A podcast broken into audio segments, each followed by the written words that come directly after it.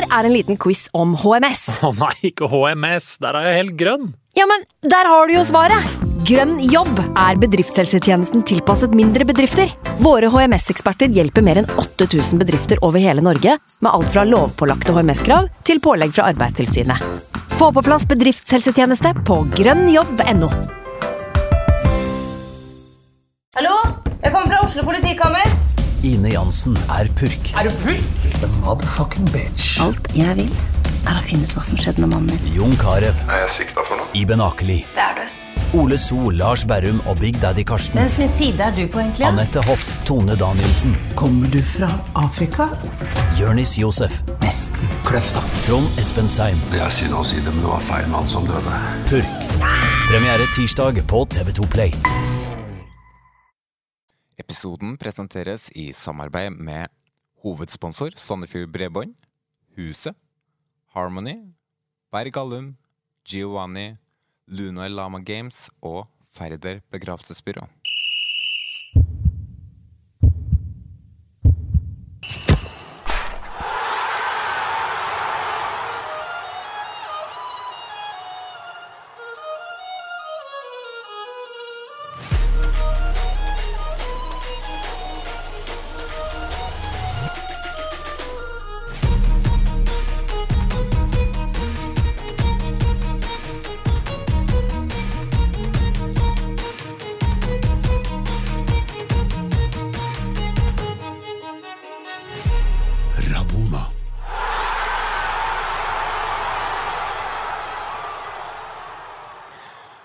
Og hjertelig velkommen til nok en spesialepisode. Faktisk så er det her episode nummer eh, 100. Mitt navn er Jonas Sundet, og den gangen eh, skal det handle om Sandefjord fotball. Eh, Denne gangen skal vi dele opp episoden i to for å unngå at vi får ei lydfil på fire timer. Derfor så kommer eh, del nummer én ut i dag, så slipper vi del nummer to i morgen. Så det her blir episode nummer 100 og 101. Og 30. januar er det faktisk ett år siden vi slapp episode nummer én. Med meg i dag så har jeg ikke Snorre Feldal, Frank Amundsen eller Torstein Helstad. For vi er faktisk på Jotun Arena, inne på lokalene til Sandefjord eh, fotball. For vi har fått låne podkaststudio til SF-podden, som er Sandefjord-supporternes egen podkast. En utrolig bra supporterpodkast, så kan man eh, si hva man vil om jinglene deres. Jeg, jeg velger å si at eh, de er mm, sjarmerende. Og siden de tre faste i Rabona er opptatt med andre ting i dag, så har jeg med meg en vikar. Og da er det betryggende at jeg har med meg SF-podens general, eller furer, eh, Jørn Granerød Horntvedt. Takk for det. Jeg tror jeg foretrekker general. Jeg Foretrekker general, ja. Jeg tror det. ja eh, du tilbød deg å være med som teknisk assistanse, men endte opp som medprogramleder. Er du litt spent på hva vi får ut av episoden her? Eh, Ja, jeg gleder meg veldig til å høre det sjøl. Altså både live og ettertid, egentlig. Fordi dette er jo det jeg brenner for. Altså Sandefjord fotball. Det er noe av det som ligger hjertet mitt nærmest, hvis du ser bort fra familiære- familiære ting og sånn. Eh, Ja, jeg, jeg gleder meg skikkelig. Jeg har sett fram til den dagen i, siden du spurte meg, egentlig. Ja. ja vi, eh, vi skal jo faktisk sitte i studio i dag fra klokka 11 til nærmere 5-6, og det her blir en eh, lang dag. Og en, eh, vi fikk et forfall i går fra ene journalisten i Sandefjord Blad, Øystein. Um, han har blitt sjuk, så vi ordna vikar der. Og da sa jeg til han at uh, jeg tror hele Norge har vært sjuk i år, bortsett fra meg. Og det er ganske sånn sammenligna med åssen det har vært de siste to årene, hvor jeg har vært syk hver eneste uke året igjennom. Så er det her nytt. Så våkna jeg på morges hadde ikke stemme. Fikk ikke, jeg fikk ikke en lyd ut, så jeg var, måtte ordne noe varm melk og honning og stå og varme halsen, og så har det heldigvis gått seg til. Da. Så Skal ikke kimse av gode kjerringlåt, altså. Nei, det er ikke dårlig, det. Altså. Eh, men du var med oss under nedrykksspesialen i fjor, og for dem som ikke har hørt den, kan du si litt kort om hvem du er for noen? Hvem jeg er? Mm. Ja, jo, jeg er da programleder for eh, SF-podden. Eller general, da. Jeg likte egentlig det bedre. Skjønner ikke hvorfor ikke jeg kaller meg det sjøl. og vi har holdt på siden 20... unnskyld, 15. Uh, neste år er det altså tiårsjubileum. Jeg tror vi er Norges eldste supporterpodkast. Ja, det tror jeg òg, faktisk. Ja. Uh, og vi starta på et lavt nivå, så har vi heva oss til et eh, ja, lavt middels nivå, kanskje. Jeg sier høyt, da. Det vil jeg si. Høyt middels. Ja. Høyt middels. Ja, men den tar vi. Um, og det er jo Vi, vi, vi prøver å ha podkast etter hver serierunde. Gå gjennom uh, kampene. Uh, gjerne med litt engasjement. Det har blitt ropt noen gloser i det rommet her, for å si det sånn. Uh, vi har spill... Nå kommer vi til halsen min, vet du. Ja, Skulle aldri ha sagt det. Vi har spillebørs. Og da lever vi også av et rykte med dårlige jingler, da. Det setter jeg min stolthet i. Eller sjarmerende. Ja. Eh, kommer for øvrig en ny jingle i år. Kanskje to. Vi får se. Blitt veldig inspirert av en annen podkast, nemlig, så vi vurderer å stjele en spalte. Ok. Åssen podkast? Eh, du har kanskje hørt om den, for du har vært med i den. Oh, ja, okay. Våre bestemenn. Ja, den er bra. Den er fin. 20 spørsmål til Jonny der. Ja, den, og det, den jeg, har jeg tenkt på sjøl, faktisk. Ja, du har det, ja? Ja, Men eh, med, med gamle og nåværende SF-spillere. ja. ja. Ikke sant? Det er ganske smalt, men allikevel. eh, Det har vært enormt gjennomtrekk av spillere i Sandefjord fotball. Så eh, jeg tror vi har litt å ta der. Ja, Det er litt artig at du sier det, for eh, når vi skulle ha legende til Rosenborg-spesialen, så var jo det vanskelig. Vi hadde jo 200 legender å velge mellom. Det har også vært så mange som har vært innom. Når vi skulle ta legende fra Sandefjord, så sleit vi litt mer. For eh, ikke at eh, det er legender her, men det var jo litt færre å velge av. Fordi er man god i Sandefjord, så er man plutselig så er man i neste klubb etterpå. Det er helt riktig. Så eh, det var litt eh, større utfordring, men vi uh, landa på en eh, god løsning eh, der òg. Jeg syns du har treffet bra der, ja. Ja, jeg synes det. Eh, vi kan informere om at vi har eh, premie til lyttere i dag. Eh, Snakka med Bugge i stad. Vi har faktisk eh, tre lyttere som kan vinne premie. Eh, det ene det er to sesongkort på Jotun Arena. Vi har eh, to, eh, eller faktisk fire, VIP-billetter til valgfri kamp. Hvor det blir utdelt til to eh, heldige vinnere. Da, sånn at én vinner kan få to VIP-billetter til valgfri kamp. Så det er noe å ta med seg. Um, for å vinne den premien, da, så eh, må du dele episoden her med link og gjerne episodebilde på Facebook, Instagram, Twitter, på Story, hvor som helst på Facebook-gruppe. Og for hver deling du har, så kan du vinne eh, Eller så får du ett lodd, da. Så jo flere delinger du har, jo større sjanse er det for å vinne premien. Så husk å tagge oss, eller eh, ta en screenshot og send til en av oss i podkasten. Så er du med i trekninga, og vi trekker da ut en vinner eh, ja, neste søndag. Eller førstkommende søndag, kan vi si. Og for Uh, halvannen uke siden så slapp vi Rosenborg-spesialen som kom på fire timer. Og den gangen her skal vi da som sagt prøve på noe nytt. Vi deler opp episoden i to, sånn at vi får litt bedre lydkvalitet. Og det var jo inne på i um, stad. Men i del én så skal vi da altså ha med oss hovedsponsor, som er med å åpne episoden. Vi har med oss eh, administrasjon, trenere og spillere. I del to så har vi med oss legender, journalister og supportere. Så må vi også informere at denne episoden her inneholder reklame. Faktisk mange reklamer, og det er vi veldig glad for. For uh, selv om dere som lyttere ikke setter uh, stor pris på reklame i podkast, så er det nettopp det her som er grunnen til at vi kan eh, holde podkasten åpen og spille inn denne type episoder, sånn at jeg og du bl.a. får kompensert for tapt arbeidsinntekt. Så det er jo greit. Eh, når vi er inne på sponsorer, da, så må vi um, kanskje da mm, informere om hvem som er sponsor, og det er Huset. Harmony, Berg Allum, Giovanni, Lunar Lama Games og Færder begravelsesbyrå. Men sist, men ikke minst, Sandefjord Bredbånd, som har reklamespott, men som også er med som hovedsponsor av episoden. Og i den forbindelse eh, så ønsker jeg da velkommen til Klaus Fevang Vidum og Anton Hagberg. Velkommen. Takk for det. Takk for det, ja. Eh, hva er Sandefjord Bredbånd? Nei, tror det eller ei, så driver vi med bredbånd, da. Ja. I Sandefjord. Mm. Og bare i gamle Sandefjord. Så vi er eh, ekstremt lokale og leverer eh, internett med lysets hastighet. Det er det vi driver med. Jeg husker på når jeg flytta til Sandefjord. Altså Jeg bor i Kodal, jeg bodde jeg siden januar 2011. Men uh, første halvåret så bodde jeg i Sandefjord. For jeg innså at det var for mye folk, så jeg måtte komme meg på landet. Men da, eh, det var mitt første møte med Sandefjord Bredbånd. Jeg husker hvor fornøyd jeg var med det. Satt og så fotball med altså, Jeg kommer jo fra landet òg. Så jeg hadde jo knapt ISDN-dekning eh, på Fosen. Så, og overgangen til Sandefjord Bredbånd, det var, det var svære greier på den tida. Altså. Men um, um, hvordan kjennes det det Sandefjord Bredbånd tilbyr? Eh, I Sandefjord Bredbånd har vi eh, vært heldige og vært partner av Altibox i 20 år nå. Så eh, det er 20-årsjubileet for oss òg, så det er litt stas. Så da var vi vel partner nummer tre med Altibox tilbake i tid. Og da er det de tjenestene som vi har i vår portefølje, da. Og så eier vi jo fiberen i bakken sjøl, så lysets hastighet den har vi kontroll på. Og så bruker vi Altibox-produktene, da. Som er det vi selger. Ja, dere tilbyr jo litt uh, andre ting, sånn som TV-kurs, annet. Ja, det er jo det som har liksom blitt det lokale varemerket vårt. da. At vi uh, kan gjøre ting som kanskje ikke alle andre klarer å få til. Vi har jo alle liksom kunder innafor ti minutter, og da kan vi by på en eh, kundemottak som er åpent, og kjøre i gang noen eh, TV-kurs, annet. Der har vi jo hatt liksom en 2500 ja, kall det godt voksne, kanskje, som har eh, å se liksom, hva kan du få ut av den fjernkontrollen.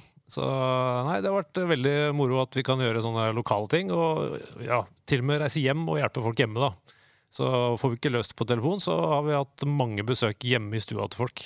Men eh, eh, merker dere noe til at eh, det er færre og færre som ser TV nå om dagen? Eller som, det, er det er flere som har bytta til streamingtjenester og sånn. Merker dere noe til det, eller? Det, de fleste sier at de ser ikke TV, men uh, jeg tror de fleste ser på den skjermen på et Ja. eller annet vis. så når de snakker om å ikke se på TV, så er det jo kanskje lineær-TV. Mm. Men uh, at de konsumerer mye, det er ikke noe tvil. Så vi merker at det der er uh, mye som blir tatt, men på forskjellige kanaler enn det det kanskje var for ti år siden. da. Det Nei, 70% av kundene våre har TV-pakke. Så TV er ikke død, selv om man ser i opptak og gjør andre ting. Mm. Eh, men eh, hvorfor, hvorfor skal man velge Sandefjord eh, bredbånd? Hvilke fordeler er det kundene får med å benytte dere? Eh, Vi eh, tar jo tempen på kundene våre jevnt og trutt, og prøver å tilpasse oss det vi kan for å liksom få dette her til å være en god tjeneste. Eh, Så først og fremst så er det stabile, gode tjenester i bånn. Fiberen som ligger i bakken og det utstyret som er der, det gjør det stabilt. Og så er det, hvis det skulle være et eller annet, da, at vi kan eh, by på det at vi er lett tilgjengelig. Så vi sier at vi alltid er i nærheten og kan hjelpe til, enten om de kommer fysisk til oss, eller om eh, vi må hjem og hjelpe de hjemme. Mm. Men eh, for å bli kunde hos dere, hva er det man må gjøre da?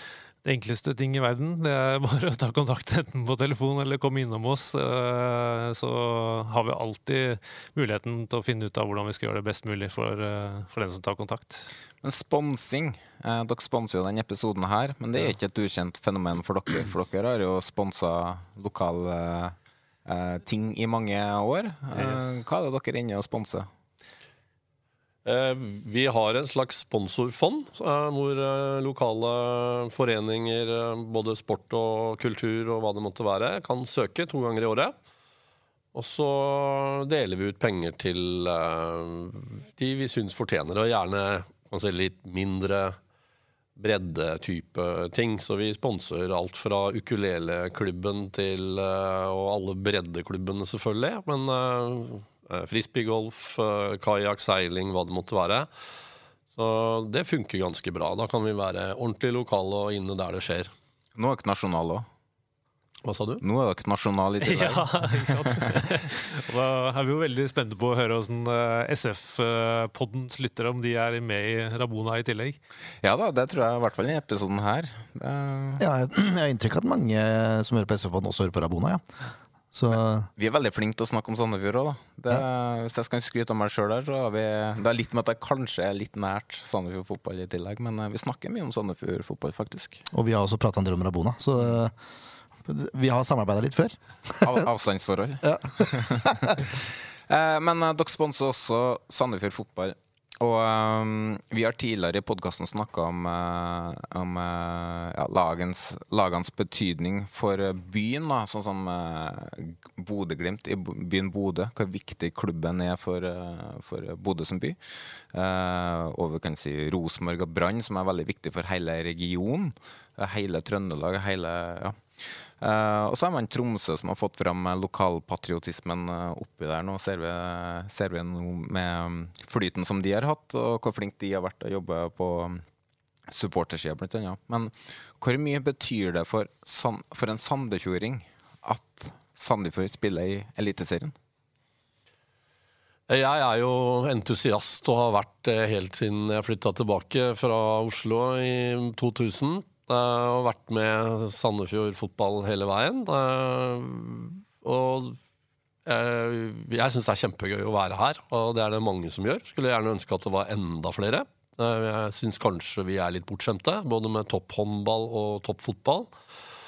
Men eh, nå som laget gjør det såpass bra og klarer seg uten nedrykk, så håper jeg at det liksom gradvis blir mer og mer. Og så er det jo en hard kjerne, både med blåhvaler og, og, andre, som, som, liksom holder trøkket. Men uh, jeg skulle jo gjerne sett at det var 4000 eh, pluss på alle kampene. Men uh, jeg tror jeg vi har en jobb uh, å gjøre alle mann med å skape trøkk og entusiasme. Men det er klart resultatene Det er jævlig gøy at mm. vi er i toppdivisjon. Det, det er det. Betyr det litt ekstra at det er flere lokale spillere som er med å hevde seg på laget, eller? Jeg syns det. Eh, det skaper eh, større engasjement og trøkk, og også for unge spillere som vil opp og fram. Så, så jeg syns det. Eh, I periodevis har kanskje Sandefjord hatt veldig mye utenlandske spillere. Det er ikke noe galt i det, men det skaper litt ekstra trøkk når det er lokale karer fra, fra bygda som spiller.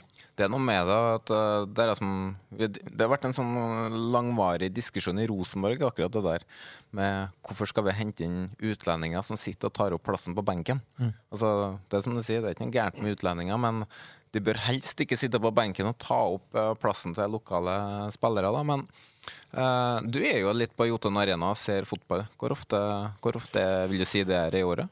Jeg prøver å få med meg alt så godt jeg kan. Jeg syns det er eh, kjempehyggelig å komme opp her på søndagene og ta en eh, vaffel og treffe kjente og kose meg med fotballen. jeg er stort sett alt hvis ikke jeg er bortreist. Og nå skal de jo spille på øverste nivå for femte året på rad. Ny klubbrekord. Har du som supporter håp om at de skal ta det neste steget og kanskje etablere seg enda høyere opp på tabellen, eller? Ja, jeg, jeg, har jo sagt før i litt sånn flost at jeg drømmer om at vi er i Champions League, og at vi kjører hvalbåten Southern Actor opp London med ordføreren foran i baugen. Uh, og vi møter mitt favorittlag Tottenham Hotspurs i Champions League. Uh, det er kanskje ikke helt realistisk, men uh, det er lov å drømme litt, da. Men tror ikke de i Bodø sa det samme for eh, sju-åtte år siden? da, At uh, ha-ha, ja ja, drøm om Champions League. Det, og nå er det ganske nær, vil jeg si. Så gjør man ting riktig, og man har med byen i ryggen, næringslivet, og ja, tar steg, tør å ta steg, da Det er jo ingenting som er umulig. Men, Burde han tenkt på Tottenham, da? Oh, ja, ja, det er mulig, ja. ja det, Nei, jeg, jeg, holder med Sandefjord fotball når de to lagene møttes, bare så det er sagt. Men uh, det er lov å drømme litt. Da. Det syns jeg det blir uh, litt glede og trøkk av. Helt enig. Klaus du er ikke så fotballinteressert. Um, det er likt en bror. Kanskje jeg har bodd under han i åtte-ni år. Det var ikke mye fotball der. men, uh, men i 2024 får vi se deg oftere på tribunene, eller? Jeg har fått med meg noen kamper i sesongen som var nå. òg. og vi har sittet her eh, godt påkledd mot slutten av sesongen og heia fram og fått uh, noen positive opplevelser på det. Bitt i negler, tenker du på? Ja, bitt i negler òg, ja. så det var uh, morsomt, det. Altså, det blir noen kamper, altså. Absolutt. Så, men uh, Anton går meg en høy gang i forhold til antall ganger, ja. Klaus, Anton, Uh, tusen takk for at dere stilte opp hos oss, og at dere vil være hovedsponsor eh, for denne episoden. Så ønsker vi dere lykke til med sesongen som supportere. Heia SF. Takk skal du ha. Ha det. Rabona. Episoden er sponsa av Huset. Huset er stolt sponsor av Sandefjord fotball og er et utested og restaurant som holder til midt i Sandefjords paradegate. Huset tilbyr knallgod mat hvor du kan spise både lunsj og middag, og de har åpent mandag til lørdag fra klokka 11. Huset tilbyr en variert meny som er basert på gode porsjoner med inspirasjon fra hele verden, og den oppdateres jevnlig, sånn som nå, hvor turen går innom Georgia. Visste du at Georgias kjøkken er kjent for sin unike blanding av europeiske og midtøstlige smaker? Ta turen innom huset for en kulinarisk reise med deilige retter inspirert fra det rike kjøkkenet. På huset kan du komme akkurat sånn som du er. De har blant annet shuffleboard og spill, og jeg kan snakke av egen erfaring. Huset i Sandefjord er utvilsomt byens beste utested. På huset har de også DJ fredag og lørdag. Huset åpner også opp i Tønsberg mars 2024. Hashtag good vibes. Rabona. Jeg var veldig usikker på hvor jeg skulle ha inn dagens første gjest fra Sandefjord. For han kunne jo vært med under sport. Han kunne definitivt ha vært med under legender. I hvert fall så sier han det sjøl, da. Uh, så, men han er nå her i dag med som uh, en fra administrasjon. Uh, han sto sju kamper i buret for landslaget. Han har vunnet serien tre ganger, cupen to ganger for Molde. Og han har vunnet Kniksenprisen for årets målvakt i Norge. Men det gjeveste han kanskje har opplevd i sin karriere, er at han nå er gjest hos oss for tredje gang på fem måneder. Espen Bugge Pettersen, velkommen tilbake. Takk for det. Støtter deg helt i den, eh, det resonnementet der. Så mm, tre ganger er vel nesten rekord, tror jeg, i, i podkasten her. Og det er bedre å være med her tre ganger enn det å vinne gull med Molde tre ganger? Selvfølgelig. Ja. Eh, det er egentlig du som burde si velkommen til meg denne gangen, for nå er jeg jo på deres uh, lokaler. Uh, men er det noe du savner i introen som jeg burde hatt med, eller? Nei, jeg syns jo den var, eh, den var bra dekkende, den. Eh, jeg trodde, Når du nevnte at han utropte seg sjøl som legende, så, så tenkte, trodde jeg tenkte på noen, noen andre jeg skal, jeg skal, kanskje ikke si studio her, men jeg kunne sagt det. Vi har noen flere med her, men nei, jeg tror det var, det var bra helgardering, syns jeg. Jeg hadde jo en så lang intro på det sist, så jeg prøvde å må ta noe annet denne gangen. Da. Så denne gangen så dro vi inn Molde. Det droppa vi jo sist.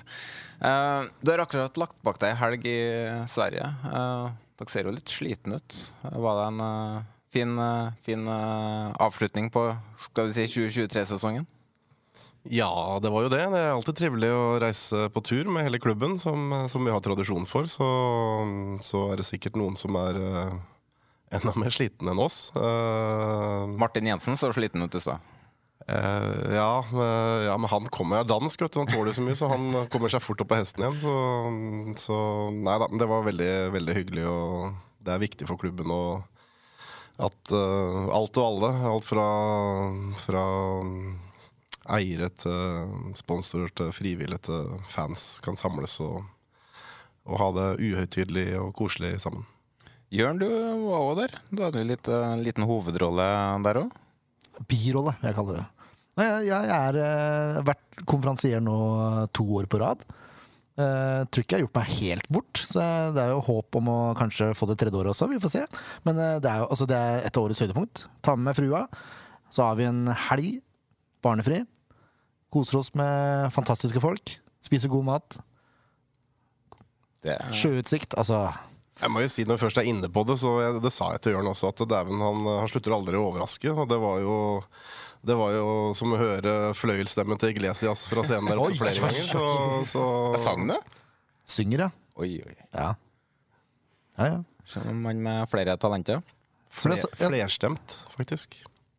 Ja, altså, jeg synger én stemme om gangen. da Ja, ja, det gjør. Du, du har evne til å sjonglere både opp- og ned-register, iallfall. Jo da, jeg har, jeg har sunget litt før også. Ja. Jeg, som jeg sa til Bugge på lørdag, uh, jeg er litt god på mye. Litt god på mye? Ja, skulle gjerne vært veldig god på noe, men uh, Du er sånn fotballens Eivind Leonardsen. Kan liksom alt. Er ikke like god kondis som Leo. Nei, er han er jo ekstrem der, da. men uh, eh, sjøl om det kan virke som at uh, du er klubben utad, Bugge, så er det jo ikke bare tilfellet. For du har jo noen som gjør litt jobb for deg òg. Uh, og når jeg ser på dagens andre gjest, så tenker jeg på Peppes. En uh, saftig, even, heavy, heavier uh, heaven, eller det, det, kom litt feil ut, det der. det, det, kom litt feil ut, men jo da. gammel Peppes-mann. Men nå SF-mann. Ole Jonny Borgersen Berg. Du bruker alle navnene, eller? Ja, alltid. jeg syns det er viktig å bruke etternavn. Du bruker Mister foran? Ja, Innimellom så sier det bare Olo, men, eh, og kona sier Johnny. Men det er et dårlig tegn. det er et dårlig tegn. Da har du gjort noe gærent. Ja, da har jeg helt sikkert gjort noe gærent. men eh, ja, du har jobba i Peppes. Eh, kom til Sandefjord i Var det fjor? Ja, jeg kom i 15. august, begynte jeg. Så jeg er en gammel traver. Ja, For du kom inn for å avlaste Bugge med det administrative.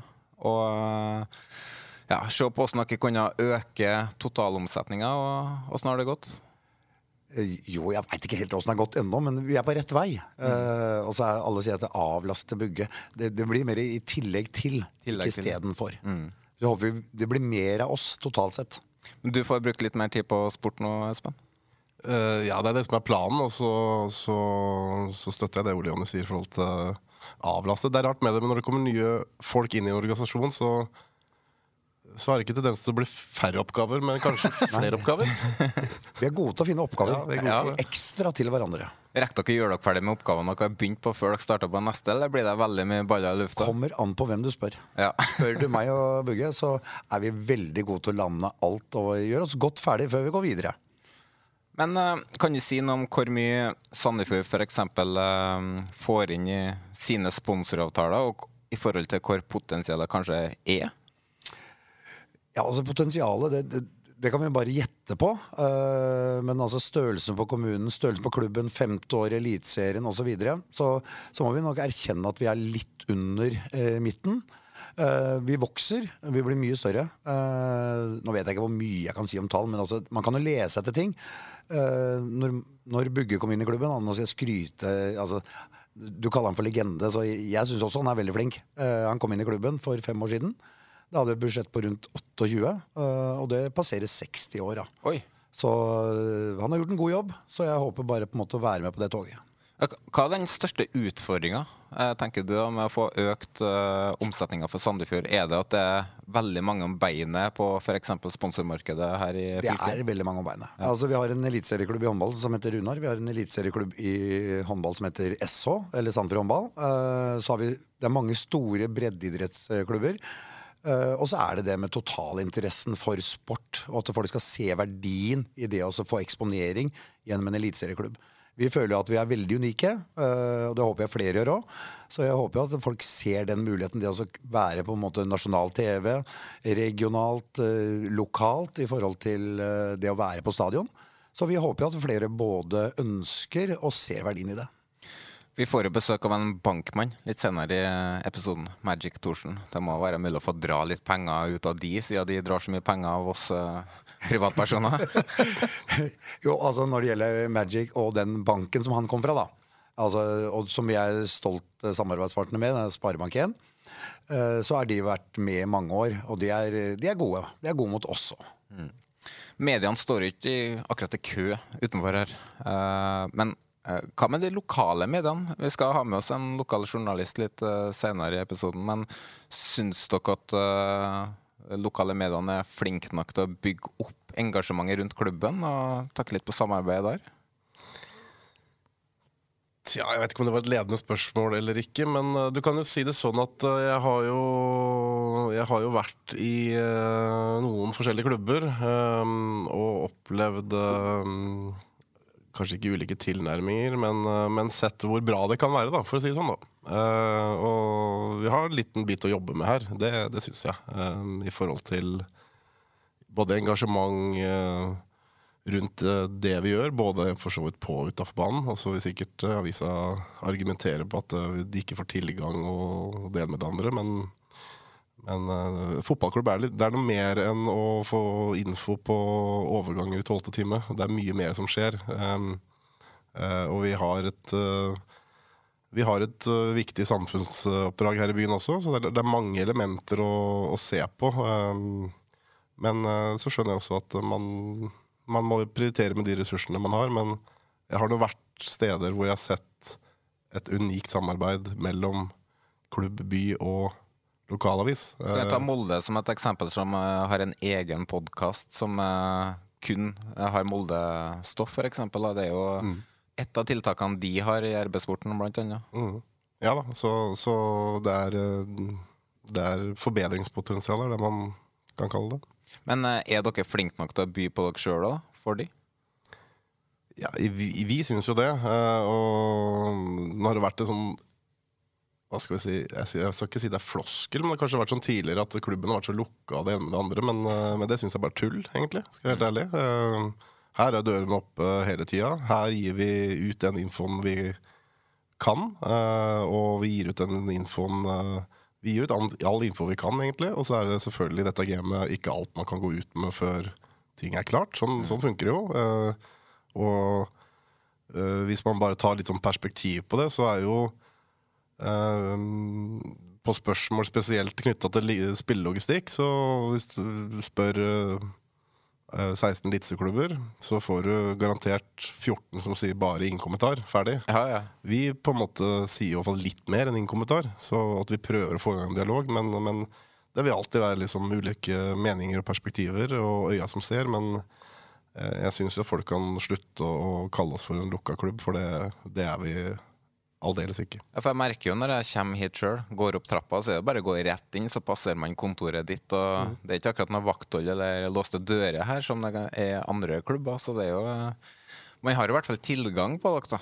Ja, man har tilgang på oss hele tida. Eh, på felt. Vi har vel aldri stengt av en trening. Eh, her oppe. Vi har aldri låst av en dør.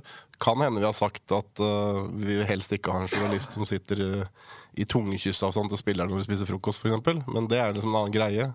Uh, så, så, jeg oppfatter oss som, uh, som, veldig åpne på alt det vi kan dele når vi kan dele, og i hverdagen. Så, men så er det opp til hver enkelt å benytte seg av det. da. Vi jeg skal ikke prakke på folk å komme opp hit. De, de må jo ha lyst til det sjøl, selv, selvfølgelig. Og ha tid til det sjøl. Det var ikke akkurat noe vanskelig å få til å spille inn Sandefjord-spesialen med dere heller. Det var jo mer en sånn derre yes, få mm. det til, liksom. Så uh, det skal dere ha. Um, jeg, kan jo, jeg kan legge til noe der, for jeg, jeg hender jo jeg gjør intervjuer på treninger, f.eks., før en kamp. Uh, når vi spør om å få folk til podkasten, altså SV-podden, så det er sjelden nei å få, altså. Det er hvis det ikke passer. Så det man eh, etterspør, får man som regel. Og så er det sikkert deadlines og sånn for avisa som jeg ikke trenger å forholde meg til. Men uh, de kommer sikkert til å svare på det etterpå sjøl. Ja, vi må innom temaet der og høre hva de har å si. Um, det er jo tøffe tider nå. Det er mye permitteringer. Bedrifter som går konkurs. Uh, alt blir dyrere, og det gjelder jo fotballspillere, for så vidt. Uh, som kan være en fordel for Sandefjord. For det er jo en del attraktive spillere i klubben akkurat nå. Uh, dere gjør akkurat et godt salg av Toje, vil jeg si, økonomisk sett. og det er stor interesse for Al-Saeed, og det finnes også spillere i troppen med ganske bra salgspotensial. Er det nettopp spillersalg som skal gjøre til at klubben tar det neste steget? Kortsiktig så vil jeg si ja. Eh, vi, vi må jobbe med alle si, inntektskildene våre parallelt og forsøke å bygge, bygge de opp og videre. Um, men kortsiktig sett så er det jo der vi kan generere mest cash inn, da. Selvfølgelig er knytta til spillersalg, så, så og det har vi jo ikke hatt en tradisjon for å gjøre. Jeg har jo knapt holdt en spiller for inntil et par år siden. Så Toye var en ny rekord nå, vet du? Ja da, han var det. Uh, men vi begynner, har begynt å få i gang Få i gang, kall det et salgshjul, og det er viktig for oss. for det gjør også at vi kan investere spillere på andre sida. og jeg skal ikke si at det er 100 likheter med, mellom, mellom det fotballspillere og si aksjer, da, men det er klart at det, det skal litt til å gjøre avkastning når du har null innsats. Uh, så, så, ja, Men det er, jo, er mer men, penger i et spillersalg enn i billettinntekter? Ja, det er jo. Så, så klart kortsiktig så, så Og, det, og det, vi har jo på en måte lagt en, en strategi uh, for å komme inn på det sporet, og den begynner vi å se effekten av. Og klart mye av den strategien det, det, og det handler jo selvfølgelig om at uh, vi må da rekruttere inn spillere som har både som har potensial til å Én ting er spille her ute, men som har potensial til å, til å generere kroner tilbake til klubben. Uh, og så må vi ha uh, sette oss i posisjon i forhold til kontraktslengder. Så det, det har, har, vi også gjort grep på. Så, så, vi sitter i egentlig en mye bedre sits enn uh, Eller en all time high sits, vil jeg si, i forhold til hva vi har gjort tidligere. Når jeg har eh, snakka litt med sponsorer rundt omkring her, jeg prøvd å få inn sponsorer sjøl til episoden og fått en god del der, um, så snakker vi litt om Sandefjord fotball. Og det som eh, flere av de sier, da, nå skal ikke jeg navngi, men da er det jo at eh, de savner litt visjoner fra klubben. Har du merka noe til det, Ole, når du snakker med sponsorer? at Hva er det de vil ha tilbake fra dere, på en måte? Eller lurer de litt på hva framtidsplanene til klubben er og visjonene? Jeg har egentlig ikke hørt akkurat det at, de, mang at vi mangler visjoner eller den ber om en strategi eller sportsplan. Det har jeg ikke hørt så mye om. Uh, men det er mer sånn what's in it for us? Uh, og der uh, altså vi, Det vi selger, da, det er jo på en måte luft, synlighet, eksponering. det å bli sett at våre verdier Altså vi har kanskje ikke vært gode nok til å kommunisere verdiene våre, selv om de er veldig tydelige overalt. Fordi det handler om altså det å kjøpe, uh, kjøpe seg en, en synlighet igjen og bli satt i sammenheng med et fotballag, de må også se verdien i det. Uh, hva, blitt, hva, er verdien deres, da? Glød, profesjonalitet og samhold. Mm. det er det. hva, hva, legger man i det bygget? Nei, Det vi legger i det, er at vi For det første at vi, vi står sammen som en enhet i alt vi gjør. Både på og utafor banen. Og at vi skal søke så høy grad av profesjonalitet som er mulig å nå. Noen ganger så handler det om ressurser også, i forhold til hva som er mulig å tilrettelegge.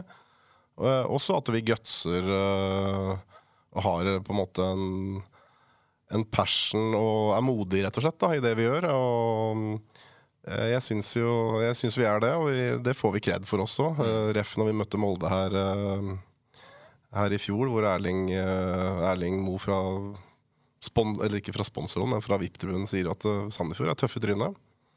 vi har vår egen stil, vår egen identitet. vi tør å satse på ukjente spillere. Vi tør å satse på Uh, Kall det ukjente trenere, i hvert fall trenere uten lang erfaring. Det, det har vi gjort i alle år. Og dere ga dem ny kontrakt når dere lå kjempa for å overleve. Det, jo, mm. det, var jo mange som heva øyenbryn for.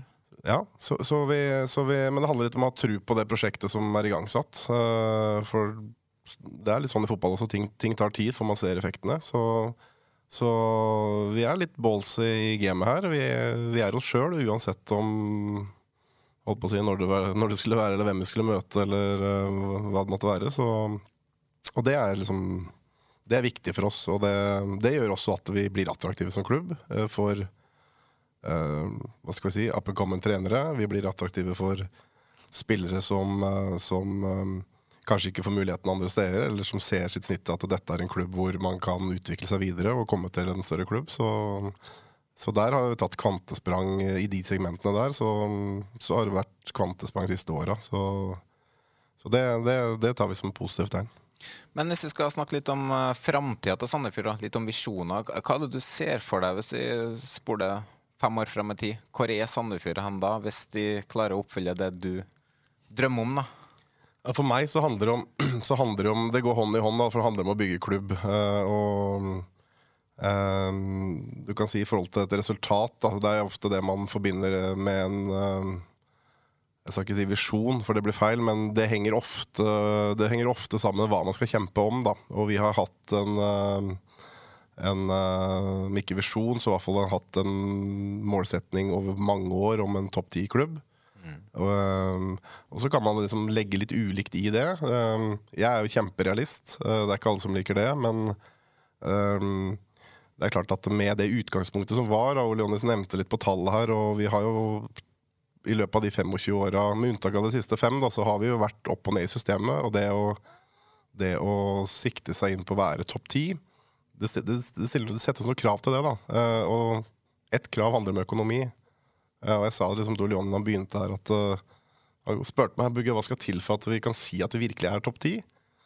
Uh, sa nei, men da det enkle svaret at vi må ha 20-25 millioner inn eh, oppå det vi har. For det er det vi konkurrerer mot. Og, og fotball Jeg skal ikke si det er, eh, det er ABC, men eh, hvis, du en hvis du lager en økonomisk tabell, så vil du treffe ganske bra hvis du ser på det over tid. Um, så, så, det er jo det vi må strekke oss etter. Vi, vi sier vi skal være topp ti, men um, vi mangler fortsatt 30-40 å rutte med da, å, i forhold til de vi konkurrerer med. Så, så, så jeg håper jo at uh, i, hvis man tar et femårsperspektiv, at vi, vi er der, og vel så det. Um, og vår måte å komme dit på raskt er jo som vi nevnte, det å selge spillere og det å produsere egne spillere i eget akademi som, som er attraktive både for et A-lag her, men, uh, men, også videre. Så det vi, vi, må komme dit da, før man på en måte kan uh, virkelig mene noe at man skal være øvre halvdel av tabell, eller hva man måtte kalle det. Så, så Men jeg Ole Jonny er jo optimisten her, og jeg er realisten, så, så kanskje, kanskje, han legger litt, litt annet i det. Eller når jeg snakker om visjon, så er det jo gjerne noen som tør å drømme, som tør å kanskje snakker om drømmene sine høyt. Da, og da tenker jeg litt tilbake til Ingebrigtsen Jensen, som var i Stabæk, skulle til Champions League og skulle ha blått kunstgress. Det var ikke måte på. Men samtidig, sponsorer kjøper det jo. Er det kanskje det du må begynne med ut, å snakke ut av nå? At eh, nei, nå skal vi ha rødt kunstgress ut der og eh, spille Europaliga om eh, tre år?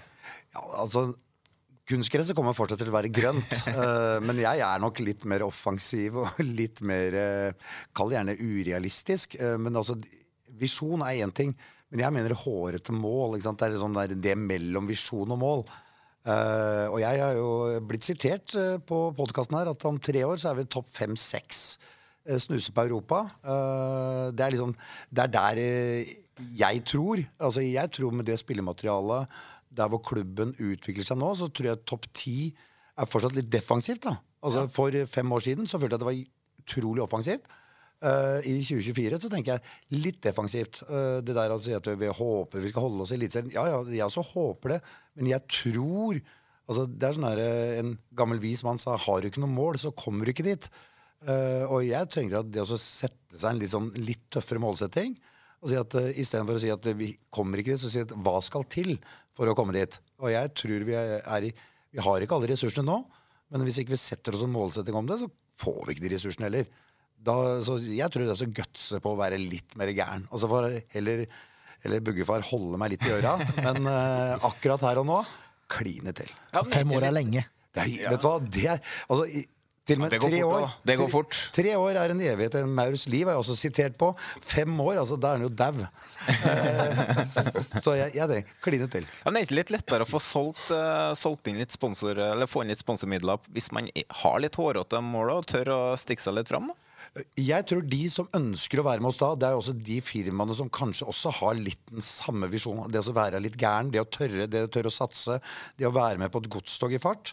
Det er mye bedre enn å stå igjen på stasjonen.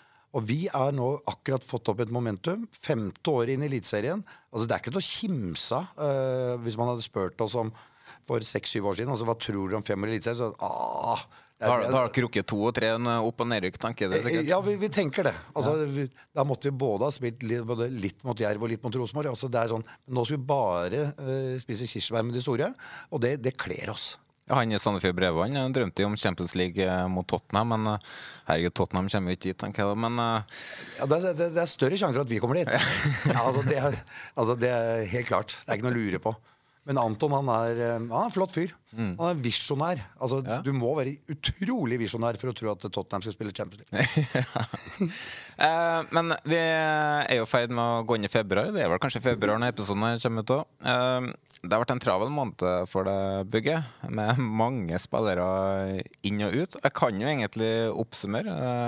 Darrell Darel Tibel fra Nordkjøpingen. Uh, Loris Metler. Korriger meg hvis jeg sier feil her nå.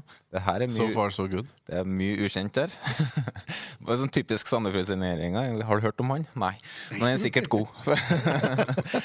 Markus Melchior. Melchior. Melchior. Ja. Ok. Kristoffer eh, Scheng. Uh, så er det Mbuka fra Sotra, du har uh, van der Spa fra Sogndal. Uh, broren signerte akkurat for uh, låneopphold i Junkeren. Junkeren fra Bodø. Uh, Loris Metler, det har han sagt. Sagt. Altså, Stian Kristiansen, har han signert? Ikke ennå. Men når episoden er kommet når episoden, Hvis den kommer hvis den, er, hvis den sendes inn i februar, så, så tror, jeg, tror jeg håper på det, ja. ja. Det er rett rundt hjørnet? Ja. Men uh, ut, da, så har dere jo mista Sanner Monfoss. Uh, dessverre gratis.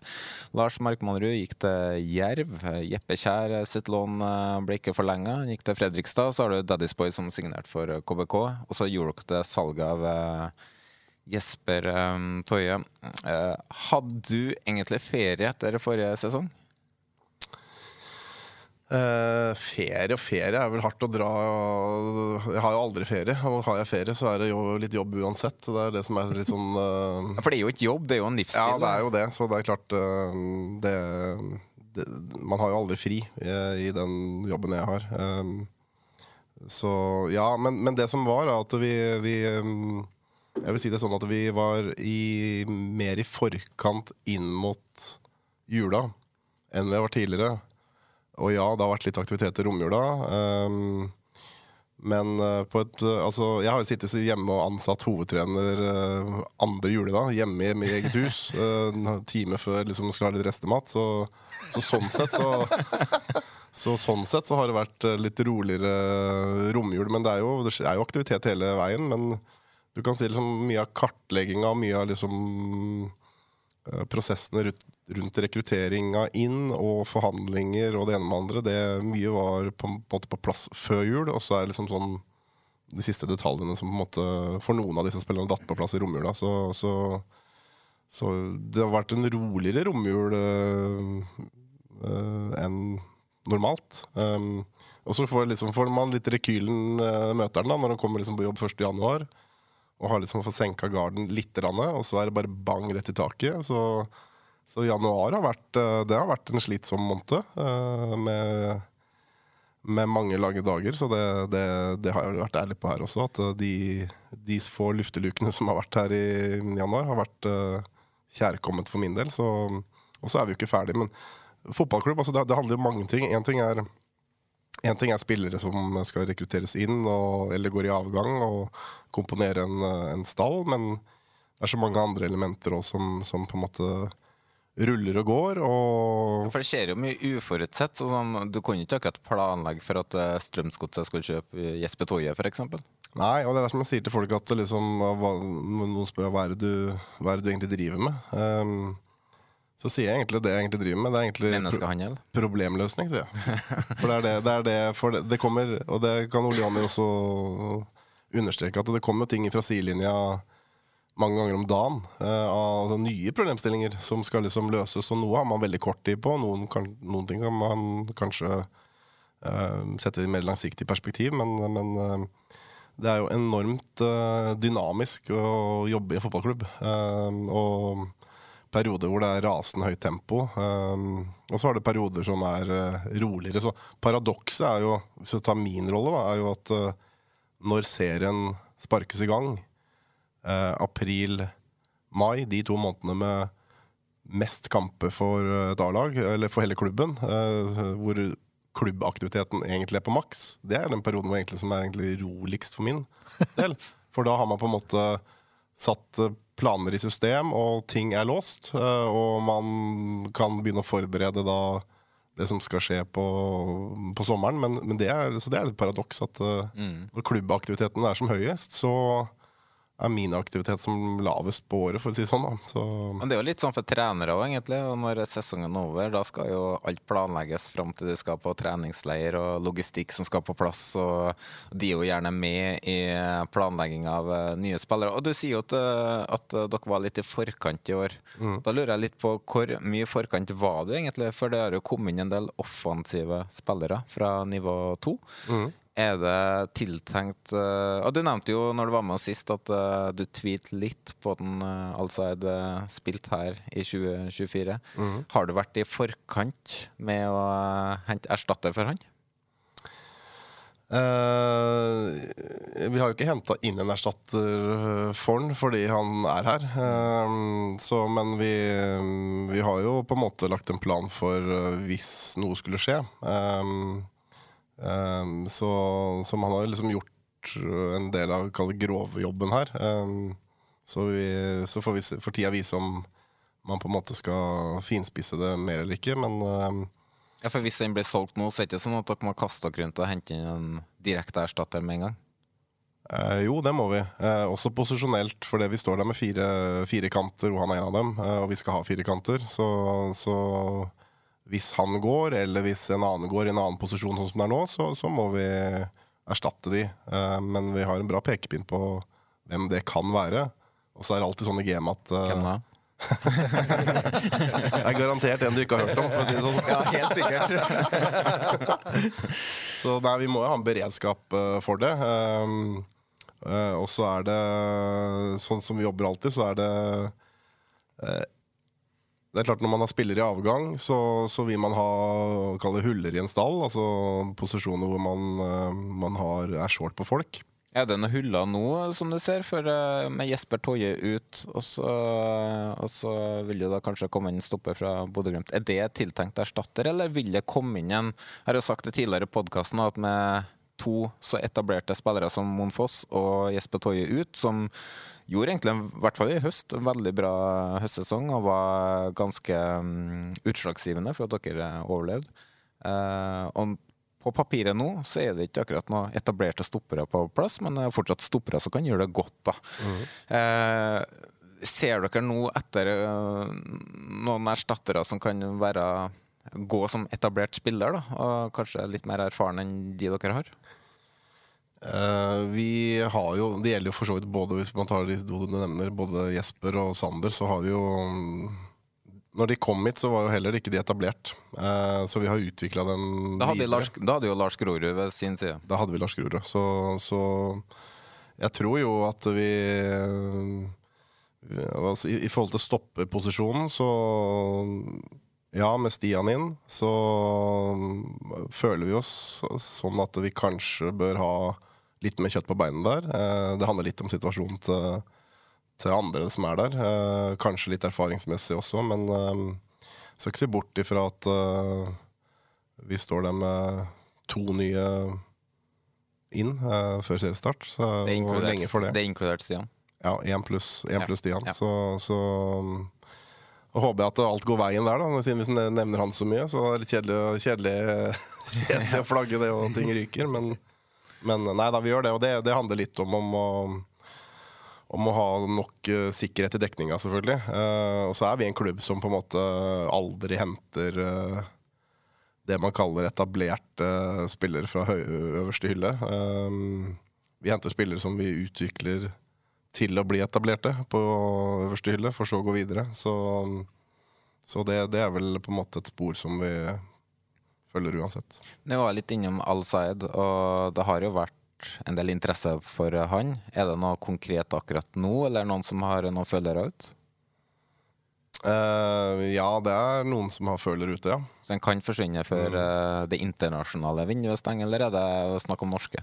Uh, det er begge deler, men i hovedsak internasjonalt. og du har et internasjonalt vindu som, som stenger 1.2 for en del ligaer. Og så har du også en del ligaer som har hvor vinduet er åpent lengre. Så, så kan du si det sånn at det er følere fra fra ligaer som både har kort og lang tid igjen på gjennom av et overgangsvindu. da. Ja, vi ser jo hvordan priser og spillere forsvinner ut av landet på noe. Det er jo nå, Når vi spiller inn her, så er jo snakk om uh, uh, Ilic fra Obos-ligaen til championship for uh, bortimot 40 millioner eller noe sånt. Så det er jo spillere går jo for en del millioner. og hvordan hvis du skal, Jeg skjønner jo at du ikke vil si noe pris her, for, men, men hvilken klasse snakker vi, snakker vi, om her? da? Er det oppi sånn typ 20-30-40 millioner du ser på som det er, alltid, altså det er alltid markedet. Det som, å, å, selge en spiller er så egentlig som å selge et hus. Det er fordi det er avhengig av hva,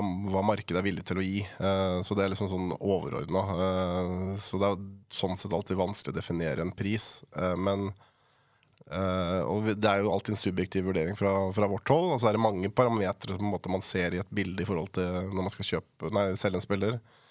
Men sånn Med utgangspunkt i spilleren, da, så klart at i hans rolle, med hans kvaliteter, når man ser på i norsk kontekst, så kommer jeg bare på én som på en måte har levert bedre i 23. Og det er Pella i Bodø. Um, og da sier det litt om på en måte prissegment også. Mm. Han blir dyrere enn Tegan til Fredrikstad. Ja, er, Tegan skal man ser seg slått godt der. eh, hvor mye er du involvert i uh, spillerlogistikk, da, Ole? Uh, egentlig ikke så veldig mye. Uh, det er bare sånn Jeg og Buggetam til råds når vi, vi snakker penger. Mm. Når det gjelder det å sette folk Eller det å kunne klassifisere de og, og velge, der har vi både stor tiltro til apparatet rundt, altså trenere, Geir Ludvig, Bugge. Deres kunnskap er jo der hvor på en måte de, de ruller. Mm. Ja, for Hvor mye involverer du trenerne i eh, spillerlogistikken når du skal ha en eh, ny spiller, eh, f.eks. en erstatter for eksempel, eller en ny stopper? Er det møtevirksomhet hvor de kommer med eh, sine ønskelister, eller scouter dere på samme spillere hvor alle på en måte godkjenner, eller hvordan fungerer det hos dere? Ja, Vi er jo en liten organisasjon, og vi har jo ikke per definisjon liksom en egen scouting uh, department. Um, uh, så, og det, vært, det, er jo også en bevisst, bevisst strategi. Um, vi uh, forut for beslutninger, så Og det kanskje er vel sosialdemokratisk, men jeg liker å samle troppene. Så vi går gjennom det sammen. Um, og da har gjerne på en måte alle Eh, ja, vi har på en måte en prioritert liste. Uh, typ I en posisjon så har, vi, så har, vi, en liste på x antall spillere som, som vi vurderer inn. Um, som, som, da alle har sitt inntrykk av, være seg om det er meg eller, eller Hans Erik eller Tegan eller for så vidt Geir Ludvig også. og så setter vi oss sammen og diskuterer. og så er det selvfølgelig of, ikke ofte, men det er ikke noe ukjent fenomen at trenere har på en måte kanskje ønsker det, uh, og så er på en måte min innstilling ok, dette, den, denne spilleren må passe inn i klubbens profil, uh, hva vi er ute etter, i et, i et Hva kan det generere til klubben utover det å levere minutter på banen? Så, så, det blir liksom man har litt ulike på en måte innfallsvinkler, og så føler jeg så far so good at det, dette har vært gode prosesser. Eh, gode prosesser eh, hele veien. Så, så, så, vi er veldig tette som team i forhold til når det kommer til rekruttering eh, inn. Og så kan det godt hende at Uh, og det har liksom vært litt av strategien her også. At uh, i en liten organisasjon så det holder ikke med at folk er hyggelige og dyktige. vi trenger mer. Vi trenger et nettverk i tillegg. Mm. Uh, og det har vi bygd opp klubben her uh, Vi har bygd opp klubben på sånn måte sånn at vi har på det fotballfaglige Eller fot fotballmessige, kall det nettverk eller relasjonen, så, så, har jo uh, Tegan sitt nettverk, Hans Erik har sitt, jeg har mitt. Martin, akademisjefen, har jo masse nettverk i Danmark. Samer i Balkan. Uh, Geir Ludvig fra sin karriere. Så, eh, og det gjør oss sterke sammen. Da. Eh, så det har vært en eh, I ansettelsen av disse så har det vært en bevisst strategi. For vi trenger mer enn bare bra kompetanse og gode folk, eller hyggelige folk. Vi trenger også å få med nettverket inn i klubben. Og det synes jeg vi har på en måte lykkes bra med, og står stødig. Bare si fra hvis dere trenger noen med nettverk i Trøndelag. Da veit du hvem vi skal ringe. um, før vi avslutter, uh, så må vi få til et lite tabelltips her. Ole, hvor ende Ble det for tidlig med femteplass, eller? Litt tidlig. Altså, la oss bruke to-tre to, år på det. Uh, men uh, åttende. Åttende. Bugge? Siden Ole er optimisten da, og jeg er realisten, så sier jeg jeg har, lyst, jeg har, litt lyst til å si niende, så, men så er jeg veldig realist, så sier jeg tiende. tiende ja. Jørn, du skal få vente. Men da legger jeg meg i midten, jeg. Det passer bra inn. Det er nummer ni. Nummer ni, ja. Mm. Riktig.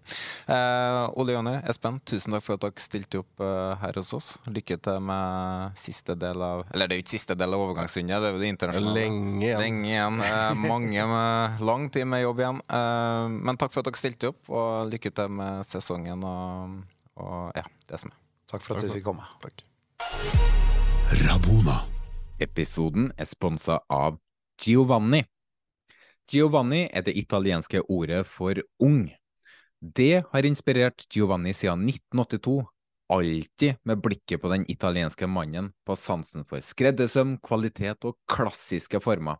Det har blitt til Giovanni, italiensk mote for skandinaviske menn.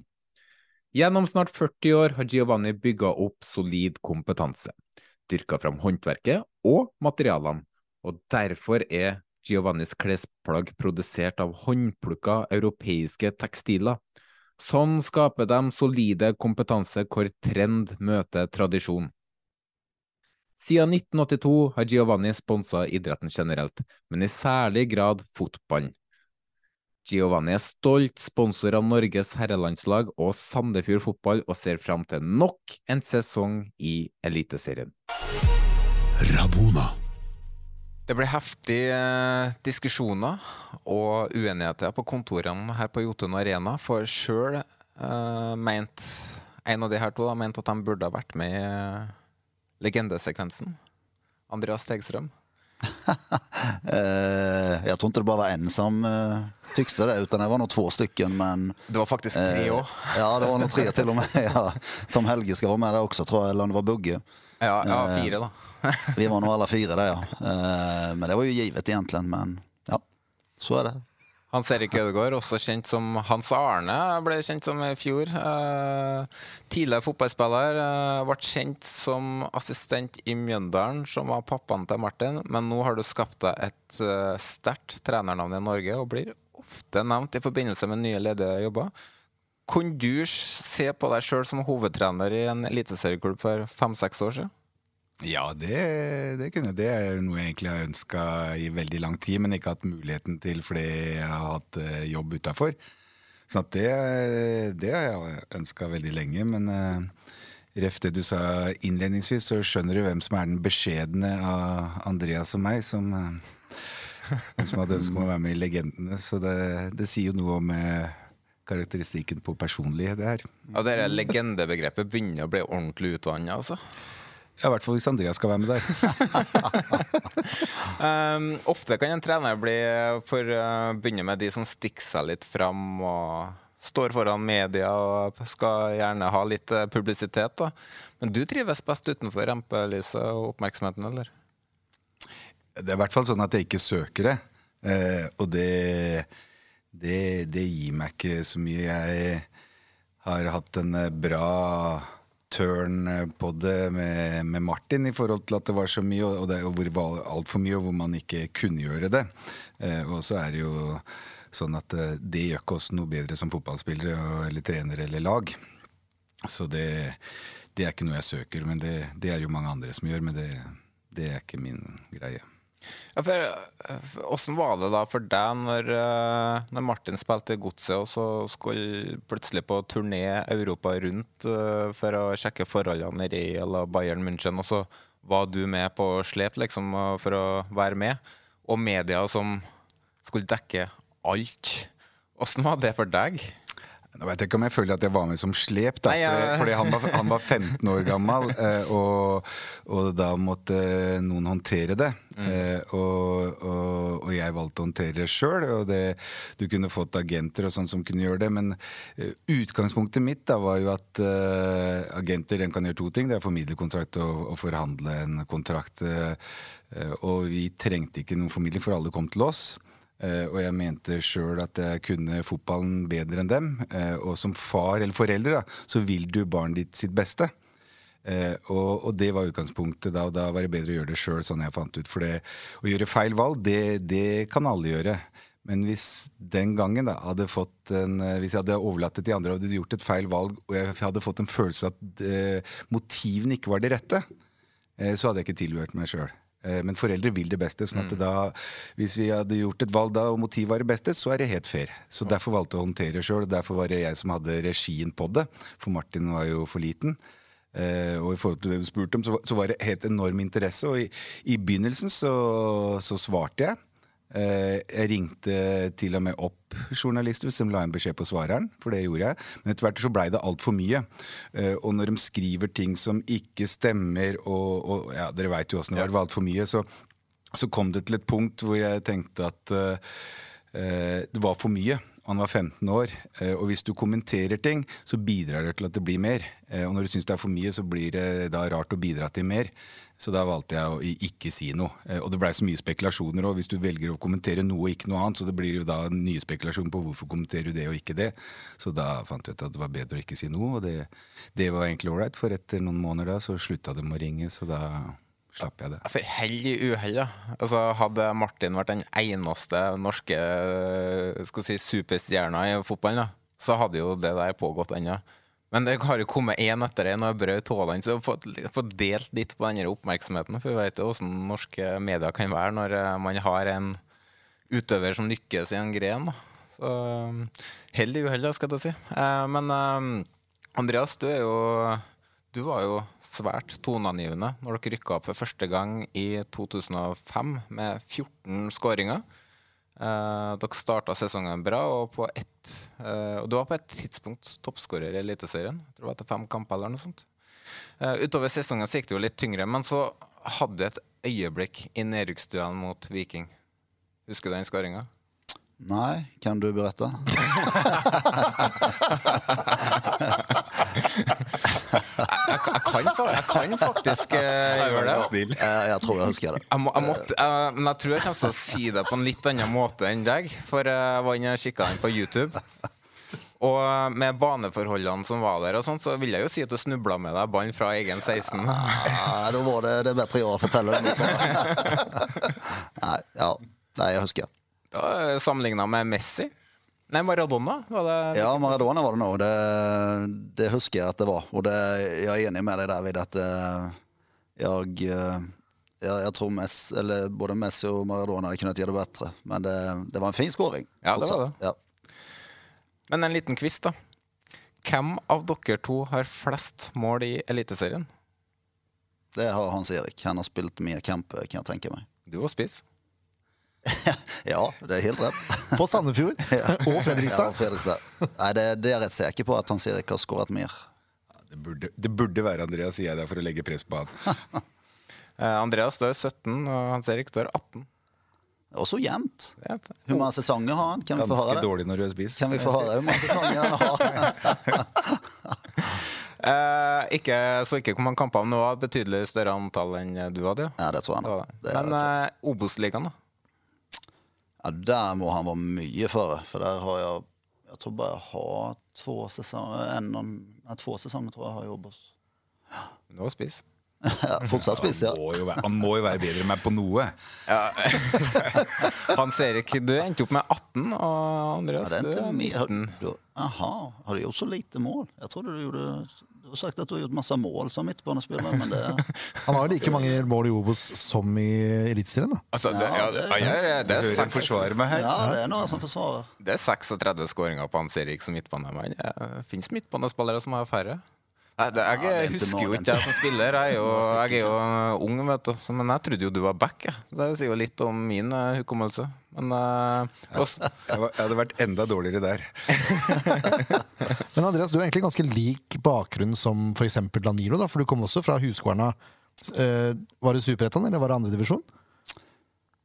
Uh, nei, det, det er jo andre det, det heter jo førstedivisjon nå Ja, i. Sverige om man Mm. sier, men det var andredivisjon da. då. Så det er tredje også. också. Mm.